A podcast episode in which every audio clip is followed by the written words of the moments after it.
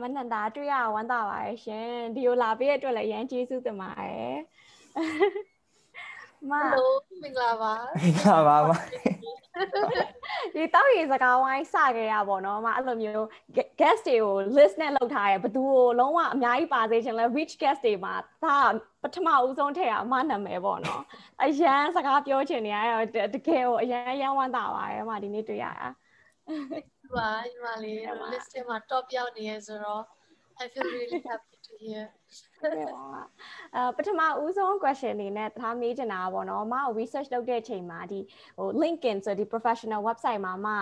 feminist advocate ဆိုပြီးတော့ဒီအလုပ်အကိုင်အနေနဲ့ထည့်ထားရပေါ့နော်ဒီမသိတဲ့လူတွေကို feminist advocate ဆိုတာဘာလဲဆိုတာတစ်ချက်ရှင်းပြပေးပါရှင်နည်းနည်းတည်တည်ပြည့်ပြည့်ပြောရမယ်ဆိုရင်တော့ feminist advocate ဆိုတာဒီ gender နဲ့ပတ်သက်တဲ့ problem ပြဿနာရှိရဲဆိုတာကိုလက်ခံတဲ့သူပြီးတော့အဲ့ဒါနဲ့ပတ်သက်ပြီးတော့တခုခုလုပ်ဖို့စ조사နေတဲ့လူဒါမှမဟုတ်အတန်ထွက်နေတဲ့လူတို့အဲအချင်းချုပ်သတ်မှတ်လို့ရတယ်ပေါ့နော်နောက်တစ်ခုရိုးရှင်းစွာသတ်မှတ်မယ်ဆိုရင်တော့တရားမျှတမှုအတွက်ကျန်တာတွေအားလုံးရဲ့တရားမျှတမှုအတွက်လှုပ်ရှားနေတဲ့သူဆိုပြီးတော့အချင်းချုပ်လည်းသတ်မှတ်လို့ရတယ်အမှားအဲ့လိုသတ်မှတ်ဖြစ်တယ် ဟုတ်အမအခုလောလောဆယ်ဆိုမြန်မာနိုင်ငံမှာဒီ feminist advocacy နဲ့ပတ်သက်ပြီးတော့ဘာတွေလုပ်ကိုင်နေလဲတစ်ချက်ပြပြပေးပါအောင်အမက Purple Feminist Group ဆိုတဲ့ဒီ grassroots CSO တခုရဲ့အာ founder နဲ့ director ဖြစ်နေလှုပ်ဆောင်နေရပေါ့နော်အဲ့မှာမတို့ podcast တွေလုပ်တယ် campaign တွေ run လုပ်တယ်ပြီးတော့ဒီ awareness raise လုပ်တဲ့အနေနဲ့ဒီ social media မှာ graphic တွေနဲ့လူတွေကိုပညာပေးတဲ့အာ ပုံစံနဲ့ပေါ့နော်မတို့အာအသိပေးတဲ့ဟာတွေလုပ်တယ်ပြီးတော့ဒီအရင်တော့ COVID-19 မဖြစ်ခင်ကတော့ပွဲတွေဘာတွေလုပ်ပြီးတော့ဒီ public engagement ကိုတိုက်ရိုက်ယူတာမျိုးတွေလုပ်တယ်။ဒါအပြင်ပေါ်မှာတို့ workshop တွေနဲ့တွေတွားပြီးတော့ workshop တွေဒီ training တွေပေါ့ feminism နဲ့ပတ်သက်ပြီးတော့လူတွေကိုအာသင်တန်းတွေပေးဖြစ်တယ်။အခုလက်ရှိမှာတော့မတို့ကြီးတော်စကားဝိုင်းကိုပဲအဓိကထားပြီးတော့လုပ်ဖြစ်တယ်။ပြီးပြီး workshop တွေကိုတော့ဒီ online ကနေပဲလုပ်ဖြစ်တယ်ပေါ့။အာကြီးတော်စကားဝိုင်းကတော့အဓိကအာ အမျိုးသမီးတွေရဲ့ဒီအောက်ခြေမှာလုပ်နေတဲ့အမျိုးသမီးတွေရဲ့အတန်ကိုချက်ထွင်းပေးတဲ့အနေနဲ့သူတို့တွေရဲ့အဲလှုပ်ဆောင်မှုတွေသူတို့တွေရဲ့ဖြစ်တတ်မှုတွေကိုအာအမျိုးသမီးငယ်တွေကို inspire ဖြစ်အောင်လုပ်တာနဲ့တူတူအမျိုးသားတွေကိုအမျိုးသမီးတွေရဲ့ဖြစ်တတ်မှုကအမျိုးသားတွေလောက်လွယ်ကူနေတာမဟုတ်ဘူးဆိုတာကိုအသိပေးတဲ့သဘောမျိုးနဲ့ဖန်တီးလိုက်တဲ့ဟာမျိုးပေါ့နော်။ဒါအပြင်မှာကိုပိုင် project အနေနဲ့ဆိုရင်တော့မှ feminist စကားဝိုင်းဆိုပြီးတော့လုပ်နေတယ်။အဲ့မှာကျတော့တကယ်တကယ် feminist အာ ideology တွေဒီအတွေးခေါ်တွေနဲ့လှုပ်ရှားမှုတွေကိုအမရဲ့ personal ဖြစ်သန်းမှုတွေကနေမျှဝေဖို့အတွက်ကြိုးစားနေရပေါ့အဲ့ဒါတော့သိပြီး consistent ဖြစ်ခွင့်မရသေးဘူးအမမှဒီက full time job လည်းရှိနေတော့အမကျွန်တော်တို့ကလည်းတထားစင်ကျွန်တော်အရန်သိကျင်တာပေါ့နော်အခုကျွန်တော်တို့ကလည်းနှစ်ယောက်ဆုံးကလည်းနိုင်ငံခြားကနေအခု college ကနေပြန်လာတယ်ပေါ့နော် college မှာဆိုလည်းကျွန်တော်တို့ဒီ feminist ဆိုစကားလုံးတို့ဒီ LGBT rights ဆိုဘာလို့ဆိုတာကသူကျောင်းသားတိုင်းရဲ့ပါဇက်ဖျားမှာပါတယ်ပေါ့နော်သုံးရင်လည်း တောင်းတောင်းသုံးလို့ရတယ်ပေါ့နော်အမဒါပေမဲ့ဒီမြန်မာပြည်ပြန်ရတဲ့ခါကျတော့ကျွန်တော်ဒီစကလုံးတွေကိုမြန်မာလိုလည်းအရင်မပြောတတ်ဘူးမြန်မာလိုပြန် translate လုပ်ပြီးသုံးတဲ့အချိန်ကျရင်လည်း it doesn't roll off the tongue ပေါ့နော်တင်မလုံးဝသူတို့ပြောလို့မရဘူးပေါ့နော်ဆိုတော့အမရဲ့အတွေ့အကြုံထဲမှာပေါ့ဒီအင်္ဂလိပ်စကားလုံးတွေသုံးတဲ့အချိန်မှာအမဘလို့ပေါ့နော်ဘလို့အခက်ခဲတွေရှိလဲဒီလိုမျိုးဒီမြန်မာပြည်မှာပြန်ရှင်းပြရတဲ့ဟိုပါပေါ့နော်အဲ့ဒါအမကိုယ်တိုင်လည်းတခါတလေမှာ puzzle ဖြစ်တတ်တယ်လို့လေရှုပ်ထွေးသွားတယ်။ဘာကြောင့်လဲဆိုတော့တခါလေမှမတို့ကလွယ်တကူခုနပြောသလိုလိန်စိတ်လိန်စိတ်ခံယူမှုမတူဘူးပြီးတော့ဒီ LGBTQI တွေကိုပေါ့နော်ပြီးတော့ဒီအာ feminism ကိုအမျိုးသမီးခွင့်ရေးလှုပ်ရှားသူဆိုအဲ့လိုမျိုးသွားတဲ့အချိန်မှာအမစိတ်ထဲမှာဒီဟာရဲ့အတိတ်ပဲပေါ့တကယ်ဟိုကြက်ပြက်တဲ့အတိတ်ပဲပေါ့မတို့ကကျင်းမြောင်းအောင်လုပ်လိုက်သလိုဆိုပြီးခံစားချက်တွေဖြစ်တတ်တယ်။ဒါပေမဲ့တစ်ချိန်တည်းမှာပဲအမဟို ဉာဏ်ရှိရှိနဲ့နားလည်ဖို့ကြိုးစားတာနောက်တစ်ဖက်ကလည်းဘာလဲဆိုမတို့မြန်မာပြည်ကြီးอ่ะဗောနော်ဒီစကလုံးတွေကိုဟိုအရင်မရင်းနှီးသေးဘူးအဲကြောင့်တို့မှာဒီ embrace ပေါ့နော်ဒီဟာကိုတကယ်တကယ်အဲသူ့ရဲ့ meaning အတိုင်းလက်ခံဖို့အတွက်မတို့မှာဟိုစိတ်ပိုင်းဆိုင်ရာပြင်ဆင်မှုရောအသိပညာပိုင်းဆိုင်ရာသိရှိမှုရော ကန့်သတ်မှုရှိနေသေးတယ်ဒီကန့်သတ်မှုတွေကလည်းစာပေမှာလည်းရှိတယ်ပြီးရင်ဒီဟိုဖွံ့ဖြိုးတိုးတက်မှုဘိုင်းမှာတွေလည်းရှိတယ်အဲ့လိုမျိုးဖြစ်နေတဲ့အတွက်မတို့ဒီစကလုံးကိုဒီစကလုံးရဲ့သတ်မှတ်ချက်အတိုင်းလက်ခံဖို့ဖက်နေတဲ့အတွက်မတင်တာမတို့ဒီဒီလိုမျိုးခုနပြောတဲ့စကလုံးတွေသုံးတာကလေဟို comfortable ဖြစ်အောင်နေနေတဲ့သဘောတစ်ခုမှရှိရယ်ဒီ comfort zone ကနေပြီးတော့ဒီစကလုံးကိုဒီလိုလေးသုံးလိုက်တော့ငါတို့ comfortable ဖြစ်တယ်ဆိုတော့အဲ့ comfort zone မှာသွားတဲ့အဲ့လိုအချိန်မှာဆိုအမကိုယ်တိုင်အတွေ့အကြုံရဆိုတချို့နေရာမှာတော့အမကဒီဟာဟိုဟို sensitivity အနေနဲ့နားလည်ပြီးတော့လက်ခံပေးလိုက်ပေမဲ့တချို့နေရာမှာတော့ဟိုဒီအတိပဲရဲ့လေးနက်မှုကိုသိရသားနဲ့ဒီအတိဒီအတိပဲလေးနက်မှုကိုမသုံးချင်တဲ့လူကိုဆိုရင်တော့အမကပြန်လဲညင်းဆိုတယ်ဟို သိရမလားဟိုဒီဒီဟာရဲ့အတိပဲ it's more than just these word that you are using သုံးနေတာပို့ပြီးကျေပြန်ဒါကြောင့်မို့လို့ဒီလိုမသုံးမိပါနဲ့ဒီလိုပဲသုံးပါကျွန်မမကြိုက်ဘူးဆိုပြီးတော့ပြန်လဲတုံ့ပြန်မှုတွေရှိတယ်ဒါပေမဲ့တချို့ဟာတွေကြတော့ခုမှပထမခြေလန်းနေဖြစ်နေတဲ့အုပ်စုဆိုတာရှိရလေနော်အဲ့လိုချိန်မှာတော့ sensitivity အရာဟိုကိုကသူတို့ရဲ့ခေါင်းစဉ်အောင်မှာနေပေးတယ်ဒါပေမဲ့အဲ့ခေါင်းစဉ်အောင်မှာပဲကိုတို့သူတို့နားလေတဲ့ပုံစံနဲ့ သင်ကြအောင်တော့စူးစမ်းရပေါ့နော်အမကိုယ်လည်းအခုမြန်မာပြည်မှာသုံးနေတဲ့အသုံးနှုန်းပေါ်မှာဟိုကျင့်တဲ့မှုအားရမှုကညာနှုံးပြမရှိသေးဘူးဒါပေမဲ့အဲ့ဒါရဲ့သဘောကအမထင်တာလေမတို့ပြောင်းလဲနိုင်တဲ့ဟို area ရှိသေးတယ်ဆိုတာကိုပြလိုက်တဲ့သဘောမျိုးပေါ့နော် we can learn more and we can be more specific and more meaningful ပေါ့อืมဟုတ်အမပြောသလိုပဲကျွန်တော်တို့ဆိုဒီမှာဟိုတော့အမခုနပြောသလိုအမျိုးသမီးတန်းသူအခွင့်အရေးဆိုအဲ့စကလုံးကြီးက feminist နဲ့ ကွာရယ်ပေါ့နော် feminist ဆိုရင်ကိုကိုကျွန်တော်ဆိုအော် I'm a I'm a feminist ပေါ့နော်ပြောလိုက်ရင်ဒါလူတိုင်းက feminist ပေါ့နော်လူတိုင်းအခွင့်အရေးကိုတန်းတို့ညီမလိုချင်တာဆိုတော့ဒါပေမဲ့ညီမလိုပြောလိုက်တဲ့အချိန်ကျရင် box ထဲဝင်သွားတယ်လို့မျိုးဖြစ်တယ်ပေါ့နော် feminist ဆိုတာအော်ဒီလိုမျိုးလှုပ်ရှားနေမှဟိုမှာ actively consciously သူတို့အော်အော်ပြီးတော့လို့ပြောနေမှဆိုပြီးတော့အဲ့လိုခံစားချက်နဲ့နည်းနည်းရရတယ်ပေါ့နော်ညီမလိုပြန်ကိုကိုပြန်ပြန်ပြောမယ်ဆိုတော့အဲ့ဒါလေကျွန်တော်အများတိုင်းအဲ့လိုပေါ့အော်လို့ဒီဥစ္စာကြီးကိုဘယ်လိုပြောင်းအောင်လဲဒီစကလုံးတွေကိုပေါ့နော်ပိုလူတွေပိုသုံးအောင်လို့ကိုကိုကိုပို identify လုပ်နိုင်အောင်လို့ဘယ်လိုပြောင်းအောင်လို့ဆိုအများကြီးစဉ်းစားရတယ် ဒါပေမဲ့လည်းခက်တယ်ပေါ့အမှန်ပြောသလိုပဲဟုတ်ဖြစ်တယ်ပို့ပြီးတော့လဲပေါ့မဟိုနိုင်ငံခြားမှာဆိုလို့ရှိရင်တမဒီ feminism တို့ LGBTQ rights ဆိုဆိုတာနေရာတိုင်းမှာကြားနေရအရန်ကိုလေကျယ်ပြန့်နေတဲ့စကားလုံးတွေဖြစ်နေပါဒီမှာရောက်ခုနကပေါ့လိမ့်စိတ်လိမ့်စိတ်ခံယူမှုကွဲပြားသူဆိုလို့ရှိရင်ရှာလိုက်မှသားဆိုတိရကွာတမလား caption အဲ့ video တစ်ခုအတွက် caption ရေးဖို့ဆိုရှာလိုက်မှဟိုတိရဆိုတော့ဒီလိုစကားလုံးတွေကိုလည်းလူတွေပို့ပြီးတော့သုံးစေချင်တယ်ပေါ့နော် ဟုတ်တယ်အမမမရရအတွေ့အကြုံတစ်ခုဆိုရင်အမ talk show တစ်ခုမှာအာ post လုပ်ရတဲ့အချိန်မှာအဲ့အချိန်မှာ topic က LGBTQI ဟုတ်တယ်အဲ့ချိန်မှာအမတို့ရဲ့ discussion ရဲ့ large amount of like အချိန်ကလေအဲ့ဒီ term တွေကို define လုပ်ဖို့မှာ invest လုပ်ခဲ့ရတယ်။ဘာကြောင့်လဲဆိုတော့ဒီစကားလုံးသုံးလိုက်ရင်ဟို group ကို offensive ဖြစ်တယ်ဒီစကားလုံးသုံးလိုက်ရင်ဒီ meaning ပြောက်တယ်နဲ့မြန်မာပြည်ရဲ့ဒီမြန်မာစာမှာပေါ့နော်။ဒီဒီလိုမျိုးဖြစ်တည်မှုအတွက်ကန့်သက်မှုဘယ်လောက်တောင်ရှိလဲဆိုစာပေရအောင်မှလေလွတ်လပ်တဲ့ထုတ်ဖော် ပေါ်ပြခွင့်နဲ့စကလုံးတွေတိဆောက်မှုကမရှိသေးတာကိုတွေ့ရပြီးတော့ဟိုတစ်ချိန်တည်းမှာအခုပြောရင်ရှိစရာကောင်းပေမဲ့အဲ့လုံနေတဲ့အချိန်မှာတော်တော်လေးကိုဝန်းနေစရာလည်းကောင်းနေဟုတ်ဟုတ်တယ်နော်အလုံးလောက်တာရောမှာဟိုဒီကြောင်းတက်နေနဲ့အလုံးလောက်တာရောဘယ်လောက်ထိအရေးကြီးလဲလူငယ်အတွက်မထင်တာလေ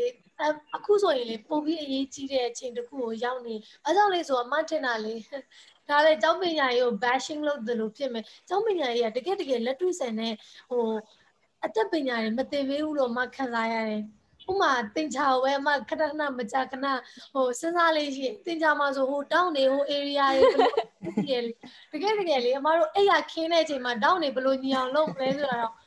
အဲ့ဒါကိုသုံးလို့မရဘူးဆိုလို့ချင်တာကျောင်းပညာရေးမှာကောင်းတဲ့အတွေးခေါ်တွေပေးတဲ့ပိုင်းတွေအများကြီးရှိရမှာအဲ့ဒါကိုမြင်လဲမြင်တယ်လက်လက်လက်ခံတယ်ပေါ့ပြီးအဲ့မှာကျောင်းပင်ကျောင်းသွားတက်တာနောက်တစ်ခုအရင်ကောင်းတာ networking ဟို ကိုယ့်ရဲ့တငယ်ချင်းကတချင်ကျရင်သမရတွေလည်းဖြစ်နိုင်တယ်သိရမလားတခြားဟိုဆရာဝန်တွေလည်းဖြစ်နိုင်ကိုတယောက်နဲ့တယောက်ပြန်လဲအားကိုးလို့ရတဲ့ဟိုအတူတူအလုပ်လုပ်လို့ရတဲ့ opportunity ရှိလာနိုင်တယ်ဒါပေမဲ့တစ်ချိန်တည်းမှာပဲဒီကျောင်းပညာရေးမှာပဲကိုယ့်ရဲ့ဘဝတွေအချိန်တွေရင်းနှီးမြှုပ်နှံတာအရန်ဝန်းနေဖို့ကောင်းတယ် ဟုတ်တယ်လက်တွေ့ဘဝကလေဒီတောင်းခဲတဲ့ဘဝနဲ့အရန်ကွာဟမှုရှိရလက်တွေ့ဘဝမှာဆိုတာလူတွေကအမားတွေအများကြီးလောက်ခွင့်ရှိရမယ်ပြီးတော့ဒီတောင်းပညာရေးမှာလည်းစမွဲတွေကြောက်ခွင့်တော့ရှိပါတယ်ပြန်လည်ဖြည့်ခွင့်တွေရှိတယ်ဒါပေမဲ့တကယ်လက်တွေ့ဘဝမှာကအမားတို့မှာအဲလူတွေနဲ့ထိတွေ့တဲ့အချိန်မှာလူတွေနဲ့ interact လုပ်တဲ့ skills တွေကိုသင်ယူခွင့်ရတယ် ကျောင်းပညာရေးနဲ့မတူတဲ့အဲ့လိုဟိုသင်ယူခွင့်ရပြီးတယောက်နဲ့တယောက်အတွေးခေါ်မတူတဲ့အချိန်မှာလည်းဘယ်လိုမျိုး respectfully ဟိုကိုကညင်းဆိုရမလဲဒါမှမဟုတ် engage လုပ်အောင်လဲဆိုတော့သိခွင့်ရတယ်ပြီးနောက်တစ်ခုအရေးကြီးဆုံးကကိုပတ်စံကိုရှာခွင့်ရတယ်ဘာဟိုကိုမုတ်ဘိုးတွေကိုလေဟိုနည်းနည်းလေးနဲ့များများကြီးကိုယ့်ရဲ့ပတ်စံဆိုတဲ့ဟိုလူတိုင်းသိမှာပါပထမဆုံးကိုပတ်စံကိုယ့်ရဲ့ဟိုအလုံးနဲ့ကိုယ့်ရဲ့လောအားခနဲ့ရတဲ့ပတ်စံကဘယ်လောက်ထိတောင်မှ အရန်ကိုလေအမတ်တရဖြစ်လဲပြီးပျော်ရွှင်စရာကောင်းတဲ့ unique happiness တခုကိုရောက်လာလဲဆိုတာသိခွင့်ရတယ်ဒီပတ်စံအတွက်လောက်ခိုင်းလာတော့မဟုတ်ဘူးဒါပေမဲ့ကိုယ်ပိုင်ပတ်စံရှာနိုင်တဲ့အချိန်မှာကိုယ့်ရဲ့လွတ်လပ်ခွင့်နဲ့ကိုယ့်ကိုယ်ကိုယုံကြည်မှုကလည်း level တစ်ခုပြန်ပြီးမြင့်တက်သွားတော့မကိုယ်တိုင်လည်းကြုံတွေ့ခဲ့အဲဒါကြောင့်လူငယ်တွေကိုဆိုမှလေအလုပ်လုပ်ဖို့အတွက်ရန်အပေးတယ်။ဘာအလုပ်ပဲဖြစ်ဖြစ် internship ကနေစတာပဲဖြစ်ဖြစ်အမဆိုရင်ဆယ်ရန်ပြီးပြီးချင်းကိုမအလုပ်စလုပ်တာဟုတ်တယ်။ တော့ဒီအသက်ပြောမယ်ဆို15နှစ်ကလေးကနေမှစပြီးတော့လှုပ်လှုပ်တာဟိုအဲ့တော့ပတ်စံရလို့လည်းမဟုတ်ဘူးဒါပေမဲ့အဲ့ပညာရတစ်ခုကိုမှသင်ယူခွင့်ရတယ်အဲ့တော့ computer teaching လုပ်ရတာဆိုတော့ဒီ computer basic skill ကိုသင်ပေးရင်းနဲ့ပဲအမကဟိုပတ်စံရရသွားတာပေါ့နော် skill နဲ့ develop ဖြစ်ဖြစ်သွားဆိုအခုချိန်မှာအမလုပ်တဲ့ large part of my work is computer based နော်အဲ့တော့အမတိတဲ့သင်တန်းတွေလိုက်ပြီးတော့တက်စရာမလိုတော့ဘူး ကွန်ပျူတာအကြောင်းလေးတက်စရာမလိုတော့ဘာကြောင့်လဲဆိုတော့အမအဲ့အလုပ်မှာပဲလုပ်ရင်းနဲ့ပဲဒီ skill ကိုကျွမ်းကျွမ်းကျင်ကျင်ပိုင်ပိုင်နိုင်နိုင်တက်နိုင်ခဲ့တယ်ဆိုအဲ့လိုမျိုးຢာတွေကအလုပ်ကပဲသင်ပေးသွားတဲ့ဟာတွေရှိရပါတော့ဒီမှာအခု purple feminist group ဆိုလို့ရှိရင် aim တစ်ခုကကြတော့ဒီ feminist literature တွေကိုမြန်မာလိုဘာသာပြန်တာပေါ့။အင်္ဂလိပ်စကားကျွမ်းကျင်တဲ့အချိန်မှာကြတော့ဟို edu ကိုကိုကို educated လုပ်ဖို့ကဟို ဟို resources တွေကတော့နည်းနည်းပိုများတာတွေ့ရမြန်မာမြန်မာဘာသာဘဲတက်တာထက်စားလို့ရှင်ပေါ့နော်အဲ့တော့အမလည်းအဲ့လိုမျိုးအတွေ့အကြုံရှိခဲ့လားဒီအင်္ဂလိပ်ဘာသာစကားကိုတည်တည်ချာချာတက်တဲ့အချိန်မှာဟို education ပိုရဖို့ကပိုပြီးတော့လွယ်ကူခဲ့လားအဲ့တော့ကဟုတ်တယ်အမလေးဒီအင်္ဂလိပ်စကားမှမဟုတ်ဘာသာစကားကလေဟိုငငယ်တော့ဘာသာစကားရဲ့အရေးပါမှုပဲမရင်ပြောခြင်းတယ်အဲ့ဘာလဲဆိုမှငငယ်တော့ဆိုရင်မက ခေါ်ခါမိသားစုကနေကြီးလာတယ်ဆိုအမရဲ့ mother tongue ကနေပါလီပေါ့နော်နေပါလီစကားအဲ့မှာအာအမကြီးလာတဲ့အတိုင်းဝိုင်းကရှမ်းအတိုင်းဝိုင်းဟုတ်တယ်ဆိုတော့အမတငယ်ချင်းတွေအားလုံးကရှမ်းနေဖြစ်တယ်ဆိုတော့သူတို့နဲ့ရင်းနှီးဖို့ဆိုရင်အမရှမ်းစကားပြောရတယ်အဲ့ဒီပြင်အမဗမာချောင်းတက်တယ်ဆိုတော့ဗမာချောင်းတက်တော့ဗမာစကားပြောရတယ် အမရဲ့ဒီ childhood ကဘာသာစကား၃ခုကိုတခါတည်းပြောပြီးတော့ကြီးလာတဲ့အချိန်မှာအမစိတ်ရှုပ်ထွေးမှုတွေအများကြီးဖြစ်ခဲ့တယ် identity crisis တွေရောစတော့စတော့အရာတွေဖြစ်ခဲ့တယ်သို့တော်ညာလဲအဲ့တော့မိဘတွေကိုလည်းမကြည်မနှက်ဖြစ်ခဲ့တယ်ပေါ့နော်ဘာကြောင့်ဘာကြောင့်ဒီလိုရှုပ်ထွေးတဲ့ပတ်ဝန်းကျင်တစ်ခုမှာကိုယ်ပြုစုပြောတောင်ရတာလဲ clear sense of identity မပေးရတာလဲဆိုပြီးတော့ဒါပေမဲ့အတော့ကြီးလာလေလေလေဒီဘာသာစကားကကိုယ့်အတွက် power တစ်ခုအနေနဲ့ရက်တည်လာတယ်ဆိုတော့ကိုယ် power ပိုရှိလာတယ်ဆိုတာဟိုမြင်လာရတယ်ပေါ့နော်ဟိုကိုကဥမာ feminism နဲ့ပတ်သက်ပြီးတော့ education ပေးမယ်ဆိုရင်လည်းကွာရှမ်းစကားလို့လည်းပြောတတ်ပြီးဗမာစကားလို့လည်းပြောတတ်ပြီး ခေါ်ခါစကားလို့လည်းပြောတတ်ပြီးအခုပို့ပြီးတော့ဒီအင်္ဂလိပ်စကားဆိုရင်လည်းငငယ်တုန်းက youth တဲ့ဘာသာစကားတစ်ခုထဲမှာပါခဲ့တယ်ပြီးအဲ youth မှုကလည်းမတင်တာလေဒီအထင်ကြီးမှုနဲ့တွဲရလာခဲ့လို့ဖြစ်မယ်ထင်တယ်မတို့ကဒီအရင်မဲ့အင်္ဂလိပ်စကားပြောတဲ့လူကိုပညာတက်ဆိုတဲ့အမြင်နဲ့မြင်ခဲ့ပြီးတော့ကြီးလာတဲ့တိုင်းဝိုင်းဆိုတော့လေအရင်တက်ချင်တယ်အရင်အဲဆို self learning နဲ့ပဲအများကြီးလုပ်ခဲ့တာလဲပါမယ်လို့စာအုပ်တွေအများကြီးဖတ်ပြီးတော့ဟိုအချိန်ချင်းဟို ဘယ်လိုပြောမလဲဟိုအဖြူတွေတွေ့တာနဲ့ပြေးပြီးတော့စကားပြောတယ်အဲ့လိုလေငယ်တော့ကပတ်တရားတွေလည်းရှိခဲ့တယ်ပေါ့နော်အဲ့လိုလုပ်ခဲ့ပြီးတော့တက်လာတဲ့အချိန်မှာအဲ့မှာဘာသာစကားက